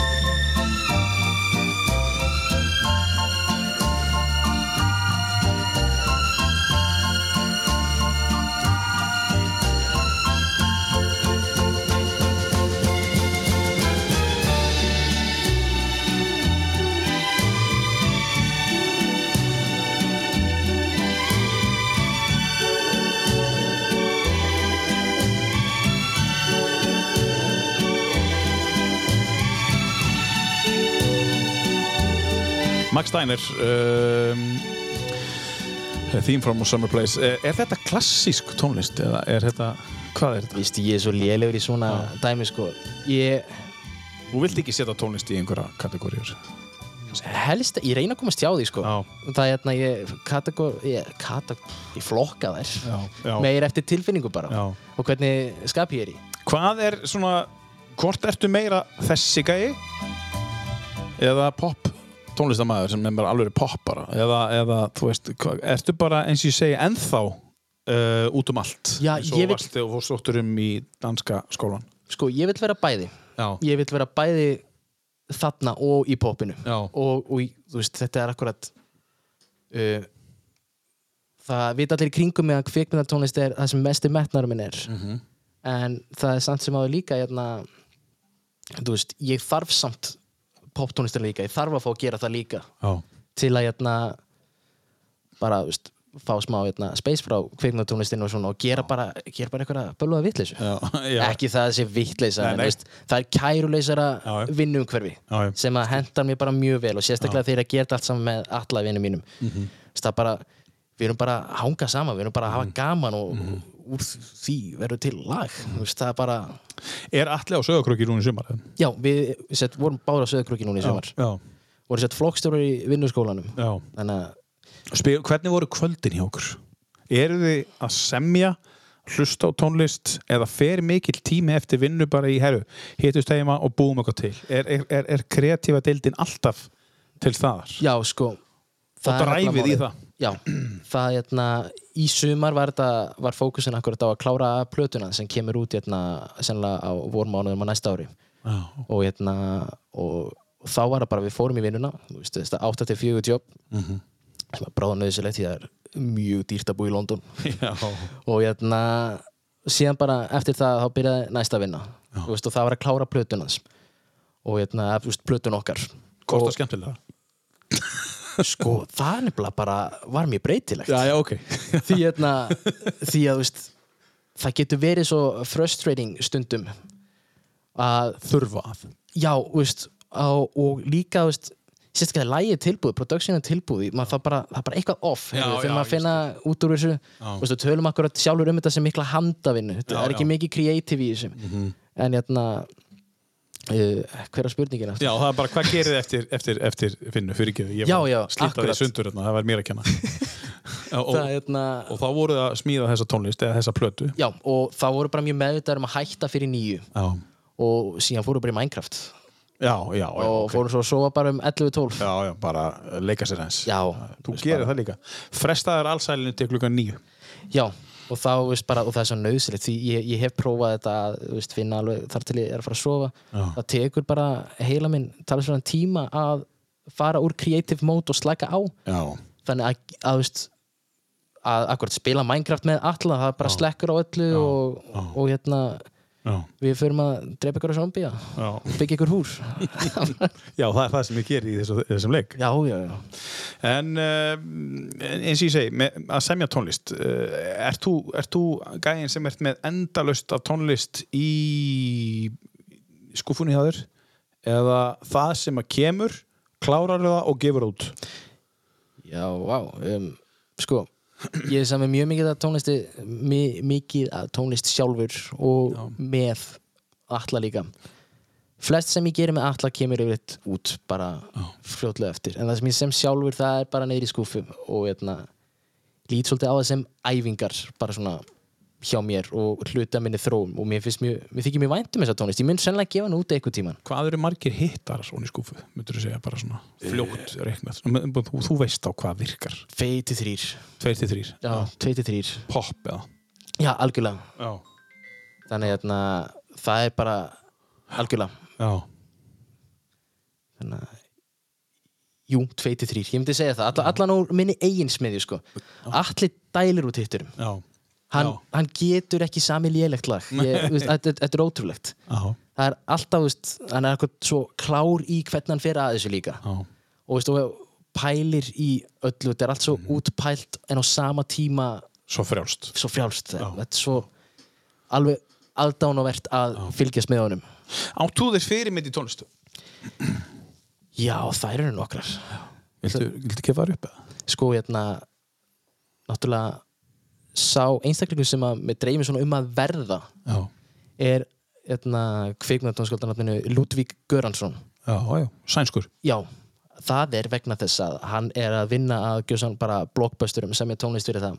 Já, og svo er hann líka að gera tónlist með Tjaldis Gambino já sem að er ok. huge artisti. Og hérna og hérna og þetta er bara það sem ég vil gera. Já. ég vil geta gert bæði, ég vil vera með flott stúdíó og ég vil geta veist, og líka eitt sem mamma hefur átt sagt við mig, veist, bara þarft ekki að leipula þið sem eitthvað eitt þú veist, er samt í tónlistan okkur fyrir Mandalorian. Já, hvað er það? það er hérna Star Wars Já, svona í Star Wars universinu já, og svo líka fyrir Black Panther og já Þannig að þetta er svona, er þetta heitast nafni í dag í, í, í þessum, þessum bransa? Er þetta Já. gæðin sem var hraðastur uppleið? Já, ég myndi segja það og líka akkurat Tenet, nýja Kristoffer Nolan myndin sem kom út þarna fyrir nokkrum mánu síðan, hann samti tónlistan með hana Hvað er, hvað lærið þessi gæði? Veistu það? Hann læriði í Svíþjóð Já, ég hérna, minni mig já, og hérna, hann er alveg stórkostlegur svo er það líka fyrir myndi bara eins og hérna, eins og Atli frændi minn já, sem að hérna, Atli Örvarsson ekki Atli Dagur, mikilvægt að taka það fram. Já. ég er að tala um marga Atla hérna. Og, hérna, og það bara svona akkurat kveikt akkurat það, ok, þetta er hægt þetta er bara frændi minn sem bjóð hérna á Akureyri fyrir sama, veist, bjó bara í hellalendunum ná- nákvæmlega veist, og, og þarna var hann búinn að gera allt sem hann Mhm. var að gera og þetta er einhvern veginn sett þetta, veist, allt meikaði sens bara veist, þegar ég sá hann gera þetta bara, já, þetta, þetta er ekki galið. Nei, svo er líka bara lag með honum sem er held ég mest hlustaða lagi á mér þessu árið en þetta er ekki á listanum sko. Nei, nei, með, með hérna Allarás já, það heitir hérna hvað, mæti vinnuna á mánudegi?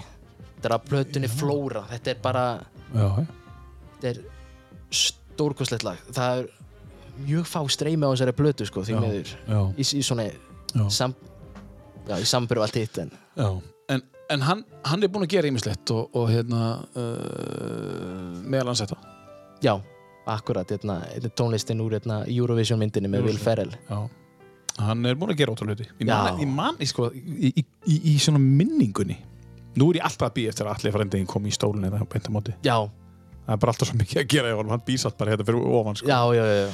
En sko uh, uh, Stuart Little Fyrsta myndin sem hann gerði? Já, hafa svona breakthrough Svona breakthrough. Stuart litli númer þrjú Það var bara já. Hann allan hefur talað um það sem svona stærsta tækifæri sitt. já, einmitt, það er svona, það er svona eitthvað sem bara kveikir. Skilur bara, Já. mann eftir ég bara allir örvars, það er svona Nákvæmlega, fyrsta skipti sem við, við tókum eftir í að hann var að gera eitthvað. Hann nákvæmlega búin að búa það núti þá í tíu árið eða fimm árið Já, algjörlega. Já, já. Uh, fleiri fyrirmyndir? Er, einhver, er einhver pop fyrirmynd? Já, sko, það er náttúrulega hérna, John Mayer náttúrulega líka. John Mayer, já. Og svo líka bara aðrir bara svona stráng heiðalegir hérna, lagahöfundar bara eins og Max Martin til dæmis. Já, það er, hittar eftir hittar eftir hittar eftir hittar já, veistu það sem er svo ótrúlegt með hann líka, hann hérna hann er í þriðja seti við mestu Billboard top lag allra tíma bara á eftir John Lennon og Paul McCartney. Já, en þetta er styrlað bara gott að hann ekki búin að taka fram úr þið núna veist, hann bara semur ekki leiligt lag Getur farið inn á, inn á hérna, og googla Max Martin, farið inn á Wikipedia og sérðu lögin sem hann er búin að gera. guð, það er góður. ótrúlegu listi. Katy Perry, Britney Spears, NSYNC, Backstreet Boys, allir A-lista allir sem með Justin hugsað, sko. Timberlake. Hann er búin að semja fyrir þetta allt. Já, Og, hérna, og allt hittar þar. Jáp. Þannig að Max Martin er, er, er, er, er lítur að vera einhver fyrirmynd hjá mörgum og meðal annars þér já og John algjörlega Mayer. algjörlega John Um, May, já frábært. Uh, ef þú fengir að hitta einhvern af þessum uh, tónlistamönnum, af þessum fjórum sem búin að nefna, þú er búin að hitta alla frændaðum oft, sem ta taka hérna Ludvig Göransson, mm uh, John Mayer uh, eða eða Max Martin Max Martin. Eða með eftirmiðdegi. ég held að ég hérna ó, eigða eftir mig degi sko Bara, þú veist, þú má gera það sem þú vilt bara, eða fara á tónlist, hlusta á hann spila eða bara fá kaffi með honum. Sko. Spjalla.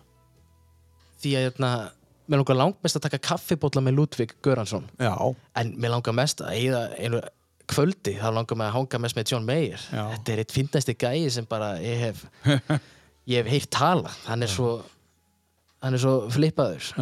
Veist, ef ég ætla að fá sem mest út úr því að ég get ímynda mér að John Mayer sé kannski pínu arrogant, ég veit það ekki. Já, en, já, en hérna talandum hann ef ekki bara Hann, er- er, hann er á listaninu jú, Hann lítur á listaninu hann er á listanum mínum. Hefur getað sett upp tíu lög með John Mayer? Ja, ég held það, ég, Þú er búin að sjá hann tvisar, þú sagði mér það. Ég er búin að sjá hann tvisar í, í Kaupmaröfn já. Já, þannig að hann er eflaust bara einn af mínum allra uppáhalds ever Eða kvöldi með John Mayer, það er uh, hljóma vel og, og fá kaffebólla með Ludvig og hugsa bara hvern, það? hvernig gerður þetta Já. ég er að fara sömu leið sko akkurat Svona praktísku kaffebólli með Ludvig já, og svo bara hafa gaman um bara kvöldinu stemning með John Mayer, Með John Mayer, hljómar eins og Já. geggjaður dagur Já, já, og semja jafnmörg lög og, og Max Martin er búinn að gera, þetta er góð, þetta er gott.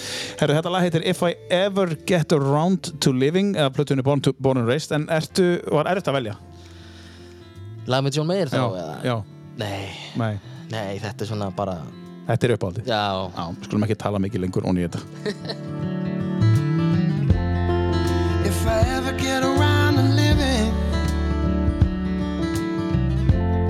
it's gonna be just like I dreamed. I'm gonna take the love I'm giving and set it. Free.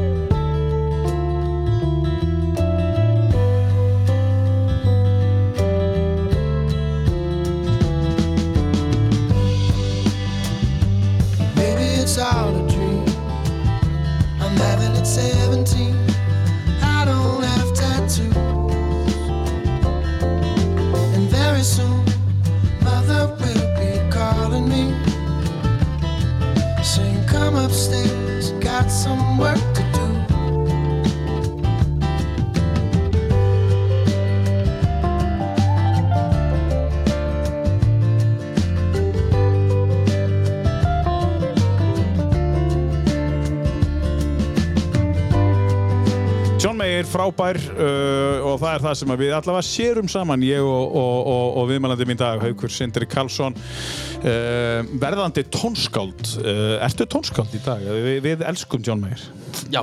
En, en, en sko, hvað, hvað, hvað, er, hvað erum við að tala um? um?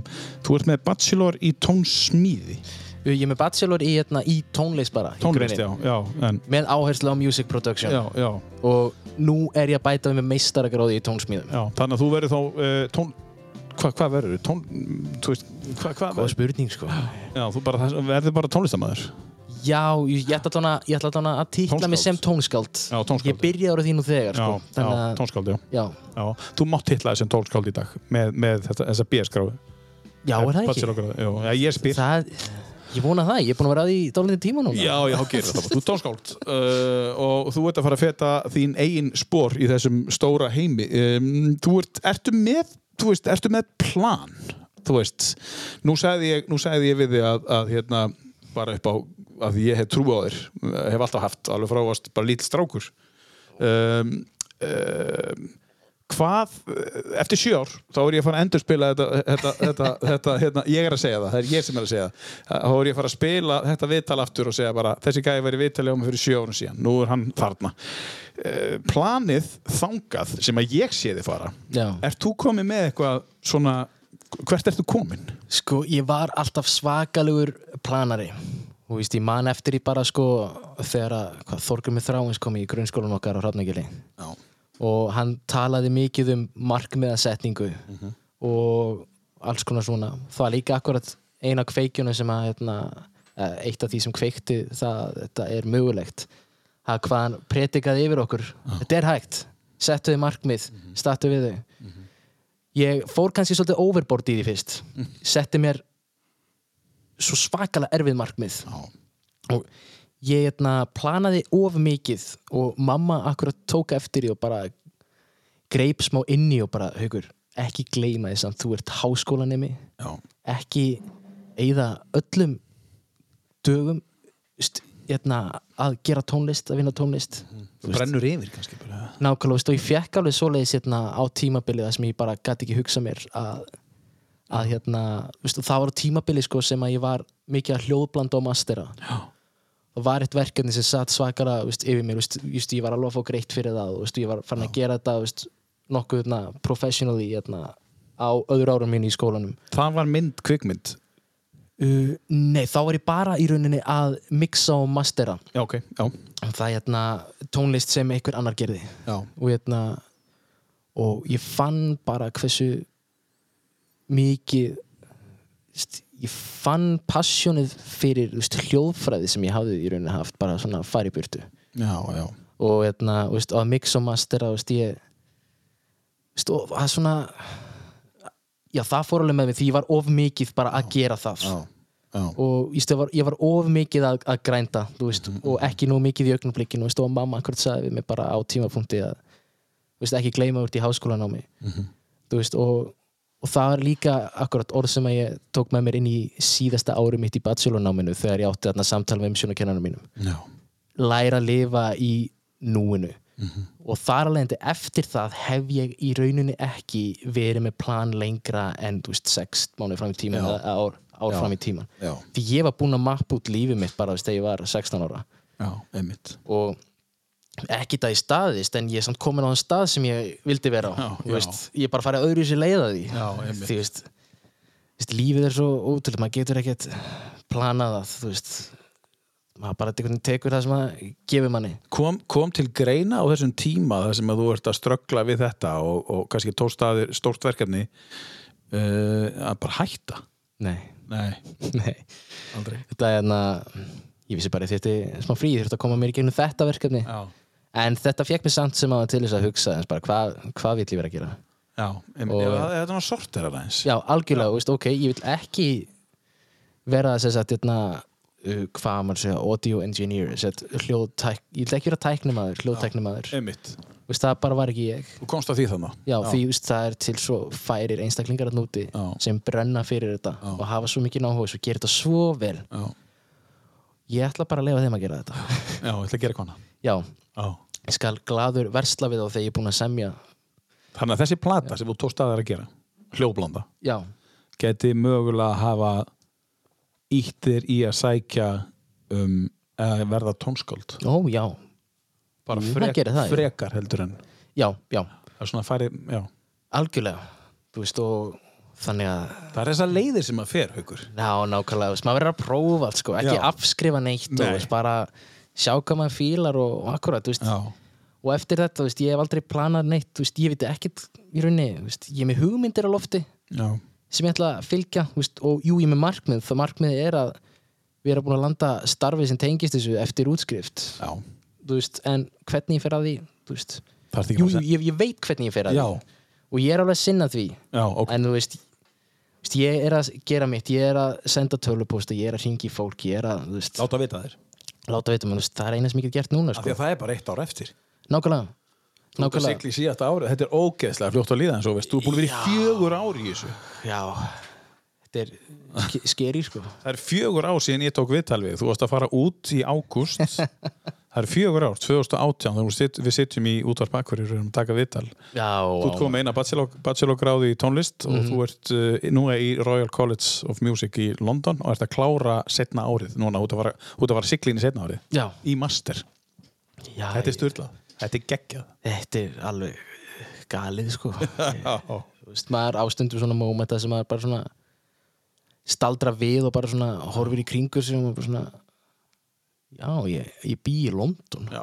þetta er eitthvað sem ég búið að dreyma um alla mín veist, þá akkur er maður svona að reyna að vera meira svona meðvitaður um núið og reyna að njóta lífsins, þú veist því, já.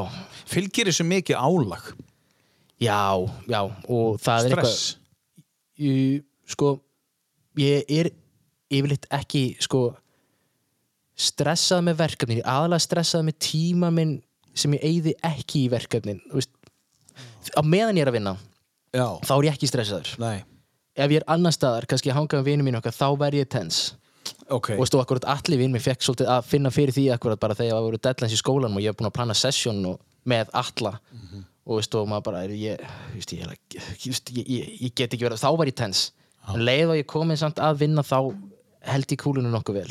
Þegar þú ert tens og treystir á fólki kringu þig, eins og til dæmis alla og aðra, og þeir sinni ekki og standi ekki við sitt, hvað gerist þá? þeir, hvað meinar Þú veist, ef, ef að til dæmis ég er að fara að vinna með þér eitthvað, svo ringi Mhm. og þú ert búin að bóka sessjón og eitthvað, og ég segi, haukur, ég nenni sig ekki núna hvað gerist þá? það er hérna, það hefur ekki komið fyrir sko Nei, og ég, ég En, en ertu það metnaða fullur að þú bara ok, þetta verð, verður að gerast núna eða bara, já, við slætum fram hjá þessu, gerum þetta setna eða? já, ég, ég er yfir Hvernig basically er að vinna með þér? Það er mjög rólegt væp, sko. já. það er bara, minn aðal fókus er á þetta, þetta vera gaman Mhm. þú veist, ég var svo mikið í háskólanáminu mínu, það var svo mikið alvar á baku þetta veist, ég var svo mikið kannski að fókusur á að, hérna, að sanna fyrir einhverjum öðrum að ég gæti þetta og, veist, og var þá bara búin að missa sjónar á að þetta var gaman líka já, svo akkurat bara þetta örlega ríka þriðja ár sem ég fór inn í, í bachelornum þá bara svona átt að með þessi betur á þessu að af hverju er maður að þessu ef þetta er ekki gaman? Já. af hverju má ekki gera skemmtilega tónlist? Þú veist, bara og það hjálpaði mér svakalega. Og, veist, og svo, svo geggja akkurat að vinna með alla líka, veist, hann er svo nákvæmlega sama máli líka. Já, þetta á að vera gaman veist, ef, ef þú væri með okkur í session einhver tíman, veist, við værum allir grenjand og hlátri 80% af tímanum og síðan gerum við tónlist 20% af tímanum Já, bara, já, já. Og úr verður eitthvað úr verður bara eitthvað algjör vitleysa sem að geggja að hlusta á. Já, einmitt, já. Það er hérna og þannig á þetta vera veist, og ég finn þetta líka þegar er að vinna með leikstjórum því við vinnum mikið með leikstjórum hérna úr öðrum kvikmyndaskólum í London. Já, og veist það, þetta getur verið svo erfitt að finna svona matching orku á milli, hérna, og veist, samband við leikstjórum skiptir svo miklu máli. Já, og, og, veist, og það er svo mikill munur þegar þú hittir á, á típu sem að, hérna, sem að akkurat mjög, veist, al, auðvitað það er alvar á bakvið allt. En veist, kannski þegar þú tekur því sem þú gera svo svakalega alvarlega já. þú veist ó, hvað er ég að reyna að segja hérna? Ferlið já, sem að þú, sem að þú ert að læra sem, sem að, ferlið sem að e, leikstjóri frá því að kvikmyndi er hugmynd þar til hún er komin á kvítatjaldið Mhm. er verið að kenna þeir í rauninni ferlið í skólanum. Hvernig þú tala við e, hvert þú fer frá A til B og svo til C og D hvað er gert fyrst já í rauninni sko. er verið að kenna þér svolítið ferlið til þess að hleypa þér út í, nú veistu hvernig á að gera þetta þú veist. já, já, og, veist, og, Já. hérna, og akkurat, og gekk ég að fá eitt ári viðbútt til svona algjörlega að vera viss um það já, en akkurat það sem að hérna, til að klára þetta, þessa hugsun sem ég var að með á það er, mér finnst svo þægilegt að hitta fólki sem er hugsar akkurat, þú veist, eins og ég veist, make a sense við hungum öll með fólki sem að eru svipuð okkur sjálfum. Já, það er hérna uh, að veist, fókusin á þetta ára gaman. Já. við erum að búa til entertainment þetta, veist, búa til aftreyingu Mhm. þú veist, það er hérna ára gaman að gera það að, að, þú veist, allan að, þa- þannig sé ég það. Þekktust þið allir áður? Þú veist, þeir voru litlir já, á sögurúki já, við þið- hérna verið besti vinnur frá því tíu ára. Já, það er svoleiðis, já. Þannig að þið eru kannski mögulega sálufélaga, sko. Nei, jú, veistu, ég held það. Já. það er þetta svona þegar þú segir það. Að það er að- ekki alltaf að vera romantík á bakvið Men- sálu félagar sko. Nei, nei, alls ekki, sko. Sálufélagar bara geta verið hverju sem er. nákvæmlega, nákvæmlega. En sko, maður veit hvað sálufélagar eru þegar maður hefur upplifað sálufélaga. Þú veist ekki hvað það er ef þetta er bara eitthvað orð fyrir þér. Og bara, já, nei, ég er, nei, jú, örglega en þú veist, kannski kannski er ekki svar við, er þetta sálufélagi nei, kannski ég hef aldrei upplifað, þú veist, þú veist það hvort það sé bara já, Já, já, veist, ég akkurat ég, við, ég líti á hans bara sem bróði minn sko, þú við erum miklu meira bara einhverjir félagar. Já, já, það er bara já það, það, það er er já, já, virkilega mikið bara væntu þig að kærleikur og bara gott að vinna saman. Já, þetta er geggjað. Já, ég heyri það. Allir þyrfti nú bara að koma hérna í stólinu hann, þyrfti, hann hefði mjög gaman að þið líka. Og getur sagt hann það, hans er velkomin yes. einhvern tíma þegar hann kemur. Eh, Hvað erum við farin að heyra hér? Er hérna að er- Son of a Preacher Man með Dusty Springfield. Mm. það, er, það eru fá lög sem ég nikka haustum mínum jafn mikið við og þetta lag. Sem ég bara elska feelingin í þessu lagi. Strax byrjaður sko. Já, nákvæmlega. Herðu, þetta er uh, Dusty Song. Við skulum heyra þetta. The Silver Collection, þetta er tekið af einhverju saplötu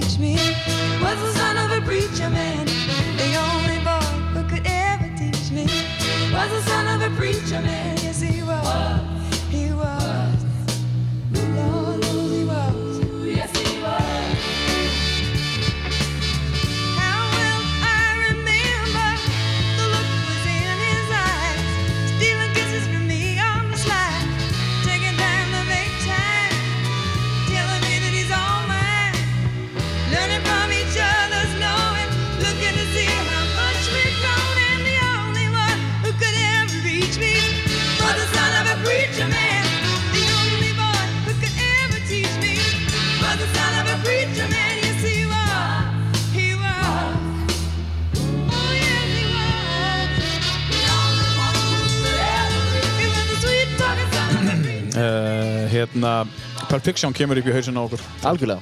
Þegar þetta er Þetta er æðislegt. Og við erum að rifja upp hvaða atriði það var. Þannig að í, í bíómyndinni sem að uh, þetta lag kemur. Uh, mælu með bíómyndinni Perfection sá sig Þú fór að sjá hana einu sinni, þú verður að fara að sjá hana aftur. Ég þarf að gera það. Það sérstaklega bara til að rifja upp þetta fína lag. Eh, Þetta lag, eh, hvenar sækjur þessa tónlist sem við erum búið að koma við erum búin að spila sex lög. Hvenar sækjur þessa tónlist, hvenar notar þetta er þetta algjörlega spari eða er þetta að nota þetta notar þetta tónlist eða bara Vistu, ég er alltaf með tónlist í kringum með hver sem ég er Já. nema nema, þú veist nema þegar ég er just í kennslustundu eða eitthvað þú veist bara annars er bara kveikt á headphoneunum Já, og, já, já. og það er eitthvað sett á algjörlega, þú veist, þegar ég kem heim þú veist, bara, ég set alltaf strax á tónlist þú Já. veist, bara, það er alltaf tónlist í kringum mig Er það þitt stöff eða lætur við stundum uh, uh, veiturnar uh, koma með einhverja hugmyndir fyrir því? Uh, ertu að upplifa eitthvað nýtt? sko uh, stundum, stundum, Já. en mest megnis er ég að hlusta á ein playlista bara. Já, já, svona aftur aftur. Já, já, En- en, veist, ég er með 180 playlista sko. Já, Þannig að- okay. þannig að- 180 playlist að 180 moods. Já, í rauninni, í rauninni, já. Þannig að, veist, já. 180 haug, haukar. Já, það er, wow Það er svona bara eftir hvernig æfisaga mín mun heita það. Já, 180 haukar. Hjá hodni Já, við erum nú að fara yfir nánast æfisöguna núna hér í já, það er enda rétt. Nei, hérna. En hérna, tónlist, þú, þú notar tónlist en notar þú tónlist til þess að uh, virkja þig sko, notar þú tónlist eða bara notar uh, heyrir þú bara tónlist? Já, ég, eða notar þú bara, herru, þetta þarf, ég þarf að heyra þetta núna vegna þess að ég þarf að koma mér í gýrin og er það eitthvað sérstætt? sko, ég er með ég er með til dæmis þegar ég fer út að hlaupa þá þarf tónlistin að virkja mig. Já, það þarf að vera ég, já, algjörlega. Þú veist, þannig að hérna, og svo ef ég er að þarf að skrifa eitthvað eða ef ég er að lesa eitthvað þá er mér sér tónlist fyrir það sem ég heyri bara. Já, en mestmegnis er ég að hlusta þú veist, og virkilega Mhm. svona ef, ef það meikar sens það sem ég er að segja. Og hlustar á texta? nei, voða lítið. Hérna, hlustar á lagið? Ég hlusti yfirleitt bara á lagi sko. það er ekki fyrir en ég heyri lagi kannski í tíunda skipti sem ég bara, ó, hann er að segja eitthvað þarna. hún er að segja eitthvað þarna. Það, er hérna en já, en til dæmis svo fer líka bara eftir listamennum hvernig til dæmis, ég heyri hvert einasta orð sem John Mayer segir Já, Til dæmis. Einmitt, einmitt. Uh, og eins og ég er lægin á hann if I ever get around to living veist, ég heyri hvert einasta orð þar og ég gjöð svona bara sé fyrir mér bara veist, mína einn útgáfu af umhverjunu sem hann er að tala um veist, og Hann tala magnað. mikið um eins og hann hafi átt erfitt sko Já, í ástarlífinu og bara í uppeldi og samt þennan í gó- góðu samskiptum við fóreldra sína og pappa sína og mömmu eða eitthvað en já, já, hann tala svolítið mikið um eins og hann hafi verið að ströggla svolítið tilfinningarlega algjörlega Já. Algjörlega. Í, í textunum sín mm og akkurat sérstaklega þessar plötur hérna, Born and Raised og hérna, Paradise Valley er bara svona svakaleg speilmynd á því hvernig hún leiði á þeim tíma. Og, og þarna opnar hann sig bara svakalega. Já. hann talaði um að af þessu lögum sem fyrir hérna, Jennifer Aniston sungin um hana. Já, já. Alltaf var að breyka upp uh, og mér skýrst að hann séð svolítið mikið eftir henni sko. Já, Já, áhugavert. Já, svolítið áhugavert. En, en það er an, an, an, annar mál. Við, John Mayer er ekki hér því miður í Ítali, hann kemur inn podcast kannski, í hann sé það. sér podcast Ég er alltaf búin að bjóða honum, við skulum vona hann koma eitt hérna Tíu besti. Hello Mr. Mayer. Uh, eða Mayer, eins og maður segir. Mayer, Mayer, Mayer. Nei, John Mayer, já, Er það ekki? Jó, John Mayer. John Mayer, John Mayer, það er sagt John Mayer. Já, er það? Já, ég var búin að googla þessu tíðan Já, ok. Herðu, um, hvað tekur við? Hvað er framöndan núna í, í, á síðasta árinni um, í, byrjum í sk- í skólanum bara. Já, ég er sjúklega spenntur fyrir því. Sko, hérna, á þessari önn er, hérna, er voða rólegt í skólanum. Og það ætla ég að nota til þess að hérna, til að vinna lög akkurat með alla vinnum mínum. Sumulegis var ég að fá geggjaða hugmynd. Ég ætla, ég ætla að fara á staði að hérna, gera plötu sjálfur. Bara með þú veist, svona tónverkum bara hérna uh, sem sagt hérna basically kvikmynda tónlistarplötu en það er engin kvikmynd við hana ég ætla bara að semja tónlist Já, já, já. og hérna Var það ekki þannig sem að Hildur Guðna gerði verði, varði Batman? Jú, það er akkurat leikstjórinn eh, en music editorinn á þeirri mynd hafði akkurat heyrt solo stöfið hennar Já. Og hún bjóð til tónlistina áður? Já, það var eitthvað, jú, Já, jú eitthvað svo leys, já. gerði það samhliða og fyrir Já, veist, þetta já, akkurat Þetta er skemmtilegt. Já, mjög skemmtilegt Já, það líf mér vel á. Þannig að þú segir bara, herru, ég er hérna með tilbúið verk. Nákvæmlega, Er, ertu með mynd? já, þú veist, það er það er alltaf þetta verður notað svona sem ég ætla að nota þetta sem svona nokkuð svona CV, hérna er tónið sem Mm. ég geri ég er auðvitað með þannig veist, eitthvað þannig á vefsíðinu mínu núna eitthvað svona sínisort, en veist, ég veit bara ég, veist, ég er orðið miklu betri í dag. Já. En sko, Haukur, þegar þú býr til svoleiðis, Já, þá verð ég að spyrja sko, þarf ekki að vera með einhvern söguthrál, þarf ekki að vera Jú. með hugmynd að einhverju mynd? Ég- Ertu með einhverja mynd sem þú er búin að sjá þá? veistu, ég er með perfect þetta, ég, ég hef alltaf strögglað við þetta að finna eitthvað content fyrir tónlistana mína. Í, hérna, í bachelorprojectinu já, og bara kom því öll út. Og en þú veist, ég finn þú veist, núna með þetta það að vera gaman að gera þetta. Ekki það, það var ógæslega gaman að gera það. Já, en sko, er bara þetta kann að hljóma svaka nördalega þarna, en ég er algjört nörd. Já, já. Þannig að ég, Kitty og allir vinnu minn við hérna, byggum saman til Minecraft heim. Við hérna, núna nýlega. Já. við fórum í gegnum heilan söguþráð og allt það, veist, bara byggum til okkar einn tilgangi í þessu. Ég var að taka glósur og meðan já. og, veist, og hérna, skrifa niður merkilega viðbyrð sem komu fyrir. Þú veist, í Minecraft er þannig leikur, þú fylgir ekki náðu söguþráð þú fylgir bara einn tilgangi. Það er bara allt er opið. Mm og hérna, Skemmtilegt. Já, og ég ætla veist, ég ætla bara að gera plötu sem bara er frá þessum veist, til dæmis bara þú veist, sko, konceptið er að við vorum á eyði með eitt, tre og tvær kýr. Það er eins sem við byrjum með og síðan byggjum við allt upp og síðan er sögur þar, ég ætla ekki að segja mikið það er bara, nei, nei, spennandi. Þú veist, þetta er svo þetta er svo, þetta er svo kjánalegt en skemmtilegt á sama tíma, ég get ekki beðið eftir að byrja. Ég skilði vel. Þú Þannig ert bara basically með bíómyndina. Já, nákvæmlega, nákvæmlega. í gæsalöpum þú veist, og semja svo þema fyrir vini mína líka þú veist, þetta verður geggjað. Þetta verður bara gaman. Þetta verður ógeðslega gaman. Og þetta ætlar að gera núna í, fram á jólum Í já, tímanu sem er döðu núna akkurat, svo vonandi geti kannski just, tekið upp akkurat hérna, einhver ákveðin verk veist, á næsta ár, því að það eru margar upptökur hérna, sem standa til. Já. ein akkurat með fullskiparaði sinfoníuljómsitt Já. sem ég geti ekki beðið eftir. Já, og svo er eitt með að hljómsvita svona eigin valið sem ég þarf að græja sjálfur. Og svo er eitt strengjakvartett, það er svona það sem hérna, liggur fyrir allan á næsta skólaári. Síðan get ég sjálfur skipulagt tvö sessjón sjálfur, veist, bara og ef ég græja bara hljóðfærleikara, fæ það alveg frýtt þá. Já, já, þú veist, ég minn auðvitað að kaupa veist, köku handa, Já, eða já. pítsu handa hljóðfærleikarunum já, já, já, já, þetta eru flest allt bara góðu kun, kunningja mínir og já, vinir. Já, já. en og ég ætla sjálfsög að gera það taka, nýta mér þessi fríu sessjón sem ég á En þegar þú ert að semja uh, kveikmyndtónlist uh, og það kemur eitthvað atrið uh, melankóli atrið, þunglind atrið, sorgleitt atrið, gleði atrið Já.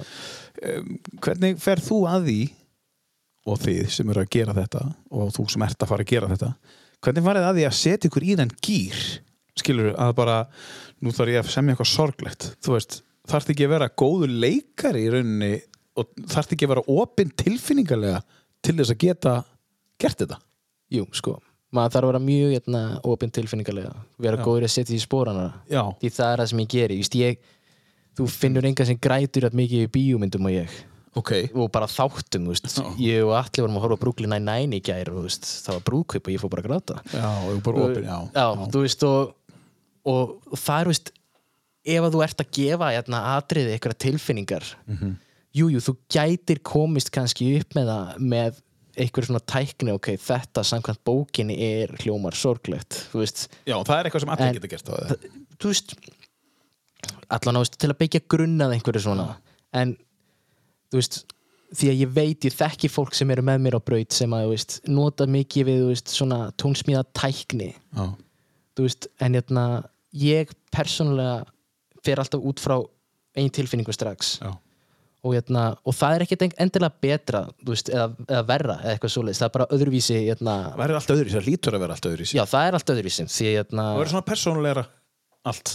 Já, nákvæmlega, en veist, hættan við það akkurat, veist, ef ef því að ég hef ekki lokaorði fyrir hvaða tónlist er valin, ef leikstjórn er bara, heyrðu, ég fíla þetta ekki, það er bara, ok, Já, það er, það er hann sem á lokaðrið Já, já, já, Já, já, það er alltaf þannig. Já, og veist, og það er bara, veist, mitt jobb í rauninni, það er bara, er leikstjórn sáttu með þetta, já, bara, já, ok, þá stóðum við vel, já, þannig að, já, en ég allan að nálgast þetta alltaf út frá eigin tilfinningu fyrst, veist, og, og kannski, virkar það ekki til lengdar, ég veit það ekki veist, nei. kannski, er okkur bara mjög, ég ætla ekki reykjum á það ennþá, Nei, en það verður áhugavert að sjá bara. Já, það verður það.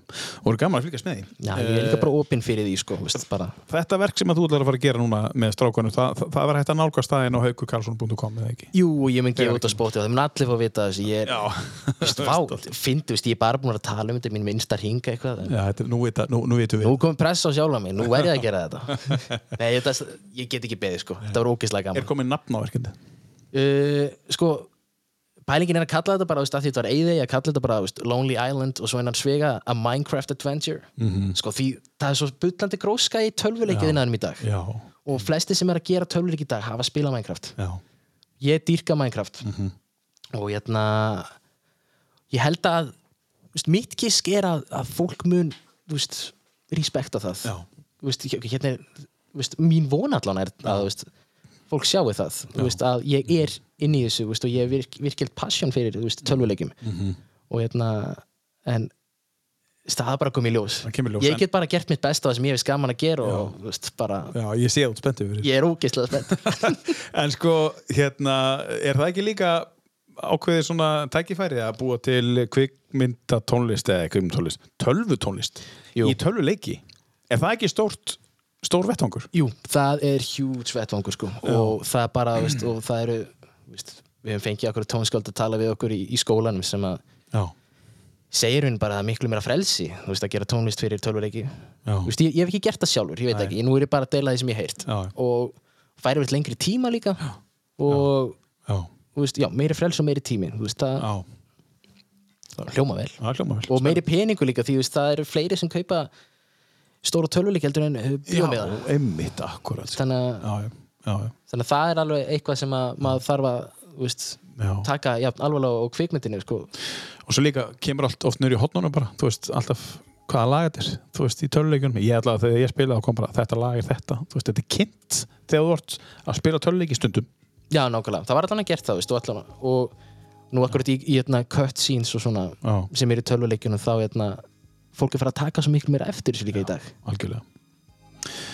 Herru, höldum áfram með listan uh, Hvað er komið hér undir? Þetta, þetta er eitthvað franskt? Er, er þetta ekki franski? Ég held það, jú. Chez Martin La, afsakið frambörðum frá mér. Þetta er úr einhverju kvikmynd sem ég hef ekki séð.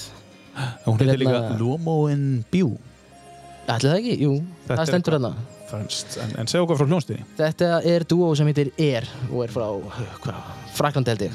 Og hérna, Þetta er á þessari plötu, já. Æðislega plötu já, akkurat. Moon Safari. Nákvæmlega, það er hérna dagur hérna stjúpappi minn, hann hérna spilaði þetta lag eitthvað tíma fyrir mig. Já. og hérna glemdi alltaf að vista það hjá mér. Já, síðan heyrði alltaf annars lagi og var bara, hvað lag er þetta aftur Já, veist? og síðan hérna myndi ég hvað lag þetta var. Mhm. og ég var eitthvað tíman að, að, hérna, að spila uh, eitthvað tölvuleik með vinum mínum. Og síðan bara gómaði mig sjálfan mig að því að ég var búinn að hlusta á þetta lag straight í fjóra tíma. Já, ég setti þetta á repeat og já. Þetta er bara svo nei, þetta er bara svo svaka Já. endur spilanlegt. Já. Uh, frábær plata, kemur út 1998 heitir Moon Safari, hljómsveitin til R eins og loft, A-E-R R. Og uh, ég skora á það að hlusta á, á, á þessa plötu. Uh, segjum tveir. Já, segjum tveir. Heyrim þetta fína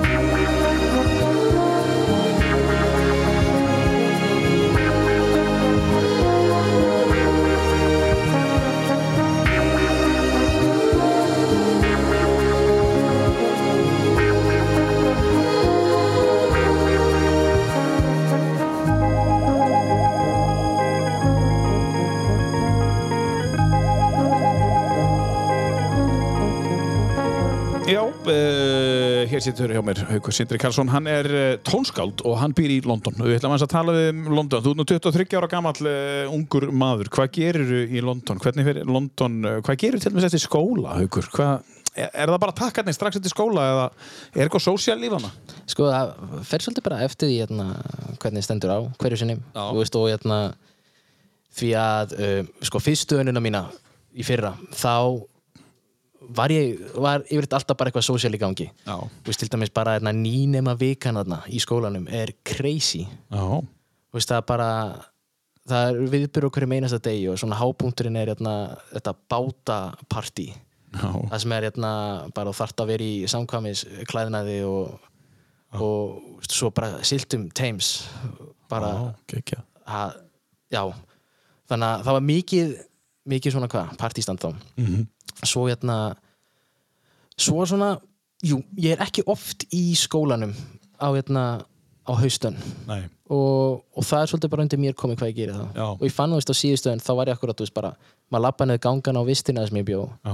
og maður heyrði alla æfa sig, alltaf og bara svona, heyrði, já, ég kannski æfa mig sjálfur hérna, þú veist, byrjaði að semja meira sjálfur og svona og, Já, já, já. Og, veist, og gera það sem ég get gert til þess að verða betri tónskáld. Já. hvort að séðin, bara veist, að hlusta tónlist hlusta á viðtölu önnur tónskáld þú veist, bara og sko, ef við þá þetta svolítið mjög frjálst og ég var líka bara svo viltur, veist, maður bara eitthvað í London bara eitthvað, hvað, hvað er ég, veist, hvað, hvað er í gangi hérna, hvernig kom ég hingað? Og, og maður náði svona, kannski svona pínu stöðuleika í lífsitt, veist, svona eftir áramót. Já. þegar maður búinn að vera eina önn og síðan fór maður, heim til mömmu um jólin og, var akkurat með þeim og síðan kom ég aftur veist, og maður líka læra þú veist, bara gjaldmiðlin maður er að vesla í fáranlegum búðum sem þú veist, maður á ekki vera að vesla í. Allt og dýrar. Og Já, já. þannig að maður var svona fann fyrir að maður erti heima svona fyrsta skipt eftir áramót. Og, og þá akkurat var svona það er eitt sem ég þarf að æfa mig mikið í og læra það er að basically bara betri tímastjórnum ég þarf að finna mig meiri tíma fyrir sjálfa mig veist, hérna, að hreyfa mig finna tíma í það, hugsa betur en sjálfa mig. Og hérna, því það er eitthvað sem að vantaði svakalega. Já. því að hérna, uh, venjuleg dagur segjum ef ég er að fer í skólan veist, tími klukkan 11 ég fer þangað, ég fer í tíma veist, ég bara eitthvað að grilla í liðinu og svo fer ég heim og ef það er, yfirleitt fer ég, er verkefni sem býður mín. Já. og ég reyni bara veist, að drífa það af og síðan hérna, reyni ég að spila smá tölvuleikin kvöldin Hvenær er skólinn búinn? Klukkan hvað? það er svo veist, ég held ég hafi verið bara veist, í tveimur tímum í viku þú veist, Já. fyrst önunum minni síðan voru þeir aðeins fleiri önnun eftir, vistu, það var svo breytir þetta fórum ekki fasti tímar, það var svo mikið bara fyrirlestrar og, og hérna, það er í rauninni voða lítið regla, það er svolítið mér komið hvort að þessi regla í lífi mínu ekki. Og ég fann fyrir svona akkurat á vormánum þá kannski, jú, hefðbindið dagurinn hjá mig þá, þá var akkurat ég byrjaði alla daga á að vakna klukka nýjum fá með morgumat og, og ég, ég byrjaði á að spila tölvuleiki. Já. ég það ekki sem velun eftir á. Já. ég byrjaði bara á því. Og síðan svona upp úr hátegi þá byrjaði ég að fá móralífur að ég var ekki byrjaði að vinna Já. þannig að það var svona motivation að koma mér að stað Já. og þá viðst, skilaði alveg viðst, inn sex tíma vinnudegi eða eitthvað svoleið, sex til átta tímum og vann eins lengi og ég þurfti og svo bara en mér fannst það mjög mikilvægt að, viðst, akkurat, að, átta, að læra það um sjálfa mig ég var bara að byrja á þessu Já. Já. Magna. því, já, þá er ég bara í FIFA eða NBA Já, eitthvað magna. Magna. Og Bara gera eitthvað skemmtilegt fyrst. já, þú veist En, því, en, já, já, en sko uh, þegar þú kemur hann út mm uh, bjóstu, vissur þetta væri svona? Eða fannst þér óþægilegt eða gott að þetta væri svona frjálst, hefur þú viljað hafa þetta öðruvísi? Hefur þú viljað hafa bara, hefur viljað mæta? Hefur þú veist, þetta er svolítið frjálst þú kemur hann út, það er bara velkomin, uh, þetta er allt út í þér þú ert ekki að mæta uh, hvað ætlar að gera? já, ég var svolítið viltur þar sko. Já, hérna, svona eðlilega? Já, okkur þegar ég segi viltur að meina þú veist, lost. Já, já, einmitt. ekki wild. Já, einmitt Já, þannig hérna, en það var akkurat bara það var svo mikið sem ég vissi ekki um vinnuferðli sem ég læriði strax á fyrstu vikunum. Já, og þá gæt maður svona uh, verið svona meira frjáls og vita hvað ég ætti að gera í tíma minn. en fyrstu vikuna var ég bara, hvað, hvað á ég að gera? Veist, þá var ég ekki komið með þessa töluleiki sem ég var með þannig að þú veist, jú, jú, ég samti mér í tónlist en, Leittist þér einhvern tímann? mm, já, það kom upp blik sem ég leittist sko. Já, já, en svo er bara líka veist, maður hefur kynst og svakalega góðu fólki þarna úti. Og eins og ég kom aftur inn á og tíminn í Danmörku veist, ég gæti alltaf heyrt í vinum mínum bara Óla, Kitta og Utta og alla og öllum þessum já, strákum sko. Og, og veist, sérstaklega hérna spjalla akkur mikið í félag minn sem var hérna í kvikmyndanám í Svíþjóð. Hérna, hann, hérna, hann, hann Óli vinnu minn hann þvílíkt hjálpaði mér held ég með akkurat umsóknina í hérna, skólan því hann dældi á mig myndefni. Já, dældi á mig myndefni, heyrðu, þetta, þetta vantar tónlist og ég fekk svo geggjaða æfingu fyrir þetta. já, ég skil. Og akkur þegar ég var að segja fólkinu frá þessu hérna, nefndu samnefnum mínum þess að þeir voru bara, wow, hvað varst það heppin Já, bara sem nefandi viltu bara myndefni Já. sem að þín tónlist verður undir, þú veist, þú veist saman að borgaði ekki á þeim stað, þú veist En þessi Óli, er það einn af þínum æskuvinum líka? Hann fór líka í kvikmynda tónlistina uh, hann fór í kvikmynda gerð Kvikmynda gerð var það, já. Þannig að, veist, Já, hann hérna hann hafi bara bullandi líkur og góðu samstæðu þær í framtíðin já, já, ég ætlaði að segja það. En hérna, hann, nei, við, veist, við hérna, verðum mjög góði vinir hérna, svona, þú veist vorum alltaf fínir félagar þegar við bygg, byggum á Íslandi. Já, vorum í sama vina hópi og svo einhvern veginn þegar ég flutti hérna út þá hérna urðum við mjög góði Já. Vist, við hérna deilum þessu sama hugsun hætti veist, bara ná langt og veist, Mhm. veist, bara leggja okkur alltaf fram og bara, og þið farið út á sama tíma til Danmarkur Svipum tíma?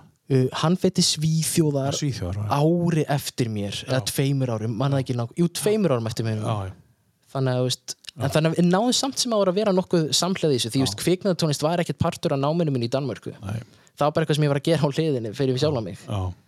Þannig að, hérna, þannig að það hjálpaði mig gríðarlega En allir sem, hérna, sem býrið með, hann býr út í, út í London. Já. Þannig að þið eru alveg að hittast. já, já, við hittumst hérna, reynum að hittast hérna, einu sinni í viku og taka sesjón saman Hvað er hann að gera? hann er að læra sagt, hérna, lagaskrif í, hérna, í skóli sem heitir ICMP hérna, sem er sér bara sennilega svona, fremsti svona pop tónlistar skóli í, hérna, í, í heiminum e, með þeim ofalega Já, já, já. alveg gjössanlega heimsklassa hérna, stúdíu sem eru þarna og, og hann akkurat er að læra bachelor í, hérna, í songwriting eins og það heitir Þannig að hann ætlar að vera tónlistamæður. já, veist bara Er orðin tónlistamæður? já, já, já, akkurat þú Hann veist, það bara allt í blúsandi siglingu það sko Já.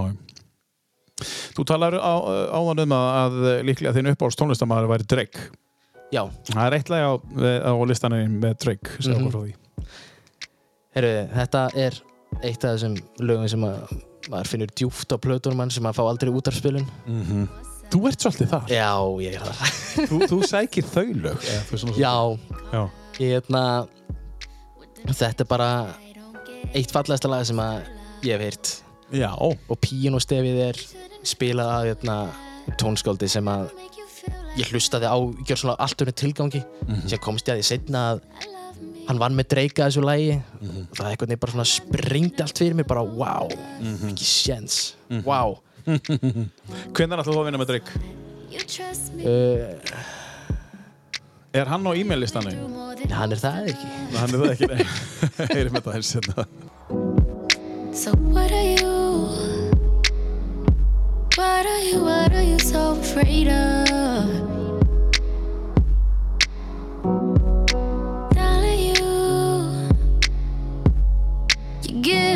You cannot take love.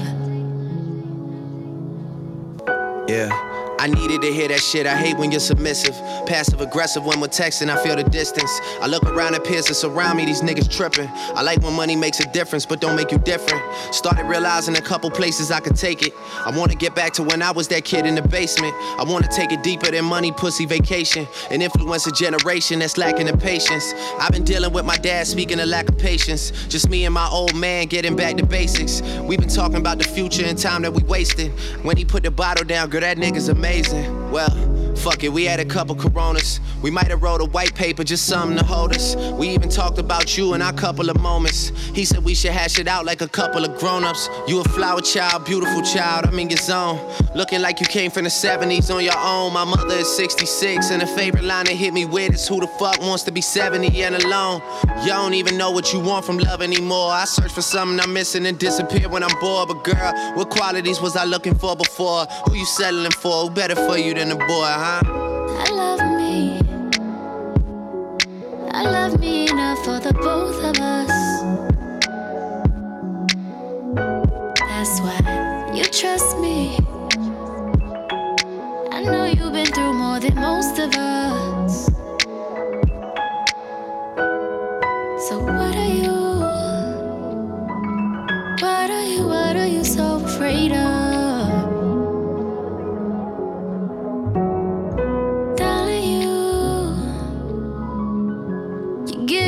But you cannot take love. Uh, thinking about Texas back when Portia used to work at Treasures. Or further back than that, before I had the Houston leverage. When I got summer on Michael Kors with my mama's debit. A week of tempered flex, and I never forget it. Cause that night I played her three songs. Then we Erum hér í Drake og uh, uh, Jeanne Aiko. eða, ég- jú, ætli það ekki Já. Hver er, er, hver er hún?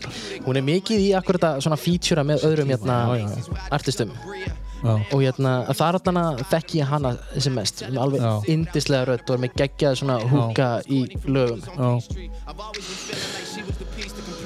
Uh, af, af frábæri plötunars hérna Nothing Was The Same. Uh, þar til dæmis uh, er þetta lag sem allir þekkja. Nákvæmlega. Þetta er, þetta, þetta er orðið næstu í tíu ára gamalt. Já, ég trúi ekki sko. Það er ótrúlegt. Ég man að ég, ég, ég, hann náði mér hérna Andrek sko hann, Já. og, og flestum held ég. Þetta er Já. breykið hans, stóra breykið hans. Algjörlega, þetta er já, þetta er geggjað. Já. Svo, svo eitthvað nýtt beat þarna sko. Skilur algjörlega. Það er eitthvað nýtt þarna og þetta er mjög flott. Það er alltaf hægt að setja þetta lag á Hold On We're Going Home. Þetta er svona plötu Nothing Was The Same. Um, já, ég spurði það hvað er framöndan í skólanum hjá þér e, í vetur? Hvað er framöndan hjá þér bara í vetur? Um, um, hvenær fer út aftur? Ég fer annan september, bara á fyrstunni í næstu viku. Já, fyrsta næstu viku. Já, ég er að reyna Við erum að reyna að koma einhvern veginn í kring núna Ég og Atli að búa saman með vinum mínum aðna úti. Það er hérna Það, veist, bara ná miklu meiri samveru til að geta unnið saman þú já, þannig bara- að þið ætlaði að búa saman. Við erum svona að reyna það. Já, það er frábært. Já, þannig að hérna og, og ná í, og ná í svo, svo er þessi tónleikar í, í hérna, það, það getur orðið stepping stone fyrir ykkur, það getur verið eitthvað stort Já, algjörlega, þú veist allan að Það er hérna Ég alveg að líta á þetta sem svaka merkilegt Við erum að fara að flytja þetta plötuna. Já, Allir er svona, svona pínu svona Já, já, þetta er Þetta er gig, svona passa sig að setja ekki of mikla pressa á já, þetta. já, já, Ég veit ekki, þú veist Ég er allavega sjúklega spenntur fyrir því. Já, já. Svona Ætla, þú, ætlar að, skrítið. þú ætlar að spila á trommunar Ég ætla að spila á trommur, já. Já. Og- Hvaða, hva, hvaða, tón, hvaða hljóðfæri spilar á? Ég, ég í allan anskotan, sko Já. Það er hérna Sko, ég, liggur allt fyrir þér, þú veist, liggja hljóðfæri fyrir þér? eða? þú veist, ekki öll, bara þessi basic hljóðfæri, þú veist, bara eins og hljómborð, Já. þú veist, og, þú veist, og hérna, gítar og þar alveg er maður komið góðan grunn á bassa líka. já. Svo spilaði ég mikið á trommur þegar ég var yngri, Já, já. þannig að, þú veist, þannig að, já, það er svona, þú, þú ert hljómsveit. já, það er rauninni að, dæmis þessi plata sem ég ger í bachelornámanu mínu, það er hérna, svona, akkurat, það var allt ég. Bara svo prins, hitinn. Já, allir það Hann ekki. spilaði bara allt, allt sjálfur. Já, hann gerir það, já. Já, alveg Spilaði rétt. öll hljóðfæri. Já, já, En sko, ekki kannski á plötunum sín, menn hann spilaði öll hljóðfæri. já, já. Tekið öll hljóðfæri upp. Æst, þetta er bara svo gaman, ég man okkur þegar ég var yngri veist, allir að segja við mig, veist, bara, já, svo þurft að velja eitt hljóðfæri til að vera góður og þegar ég var nýbyrð að spila á trommur eða gítar eða eitthvað Já. Veist, veist, ég vildi það ekkert Nei. þá fann ég akkurat þessa atvinnugrein sem að bara þú getur notað þetta allt það er að semja tónlist þannig Já, það er frábært. Uh, þú sagðir okkur, uh, já, það er frábært að þetta- sé framöndan og, og það er hægt að fylgjast með þérinn á haukurkarlsson.com. já, Allt sem þú gerir fer það þa- þarna inn. uh, Svo áttu líka með Instagram. já, já, já Er það ekki rétt mér? jú, hárétt, Og það er Haukur Karlsson. haugukarlsson.com það er hérna, ég gerði breytanum ekki það að bæta við sindrið þarna Nei. það hefði verið alltof ég, það farið bara mikið tími í það að reyna að- já, Það er gott þú heitir ekki Höskuldur eða já, jésus það hefur verið eitthvað verra. Fyrir sko, fyrir, fyrir sko erlendaborkað, meina ég sko. Fýnda þetta Höskuldur. já, já, þetta er fallegt nafn Fallet nafn. Um, þú áttur upp á áslag og við ætlum að enda á því. Um, Yes. Þú ætlar að segja okkur frá því og, og hérna, og hérna, svo ætlum við bara að fara út í rigninguna. ég er það ekki Já, Æ, Dá, þetta er bara fáránlegt sumar hérna maður það hvað- var skrítið sumar maður. En já, Þú verður í Breitlandi líklega bara næsta sumar, þú nennir þess ekki. ég vonandi Já, veit akkurat. Er alltaf vænt um Ísland sko En, Já. þú veist, bara, Já, já. en já, Það er nú bara þannig. En segðu nú okkur uh, frá þessu ágæta lagi. þetta er að mín mati fallegasta lag sem hefur verið samið Já. Og hefur bara mótað mig mikið Þú heyrir þetta akkurat, þetta er poplag Mhm. Spilað að Sinfoníljónsett Já. Sem Já. að er Rauninni það sem ég vil gera í dag Það er bæði Og þetta er í rauninni Þetta er bara uppáðslæði mitt allra tíma Hefur verið í mörg, mörg, mörg ár Og mun verða það Já. Þetta bara, Það er ekki þetta að toppa þetta lag fyrir þér. nei Haukur Sindri, Karlsson, takk fyrir að koma í tíu bestu. Það voru frábært að hafa því. Takk æðislega fyrir að hafa mig Búin að býða lengi eftir þessu Já. Gaman að geta gert þetta lóksins Það er bara frábært. Og, Takk og, hérna, þú talaði við alla hérna við þinn, spyr hvort hann eh, vilji koma sem að uh, býr með á sögurokki. Yes, ekki Hann er velkominn. Uh, kæri hlustandi, takk fyrir að hlusta á tíu bestu alltaf. Og uh, við ætlum að enda þetta á þessu frábæra lagi og þetta er uppáhaldslægi hans hugs. Það er ekki rétt hjá mér, þetta er bara, bara þitt uppáhaldslægi. yes. Bílarnir og The Long and Winding Road. Þú finnur okkur á Facebook, uh, það getur líka við þáttinn, þú finnur okkur á Spotify og öllum hinnum, uh, Apple uh, veitónum og hvað, þú getur líka við okkur, gefa okkur stjörnu og þá sérðu alltaf hvena við gefum út þátt. Þetta er tíu bestu.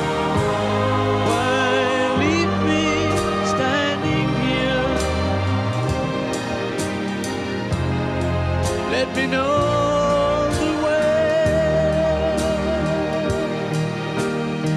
Many times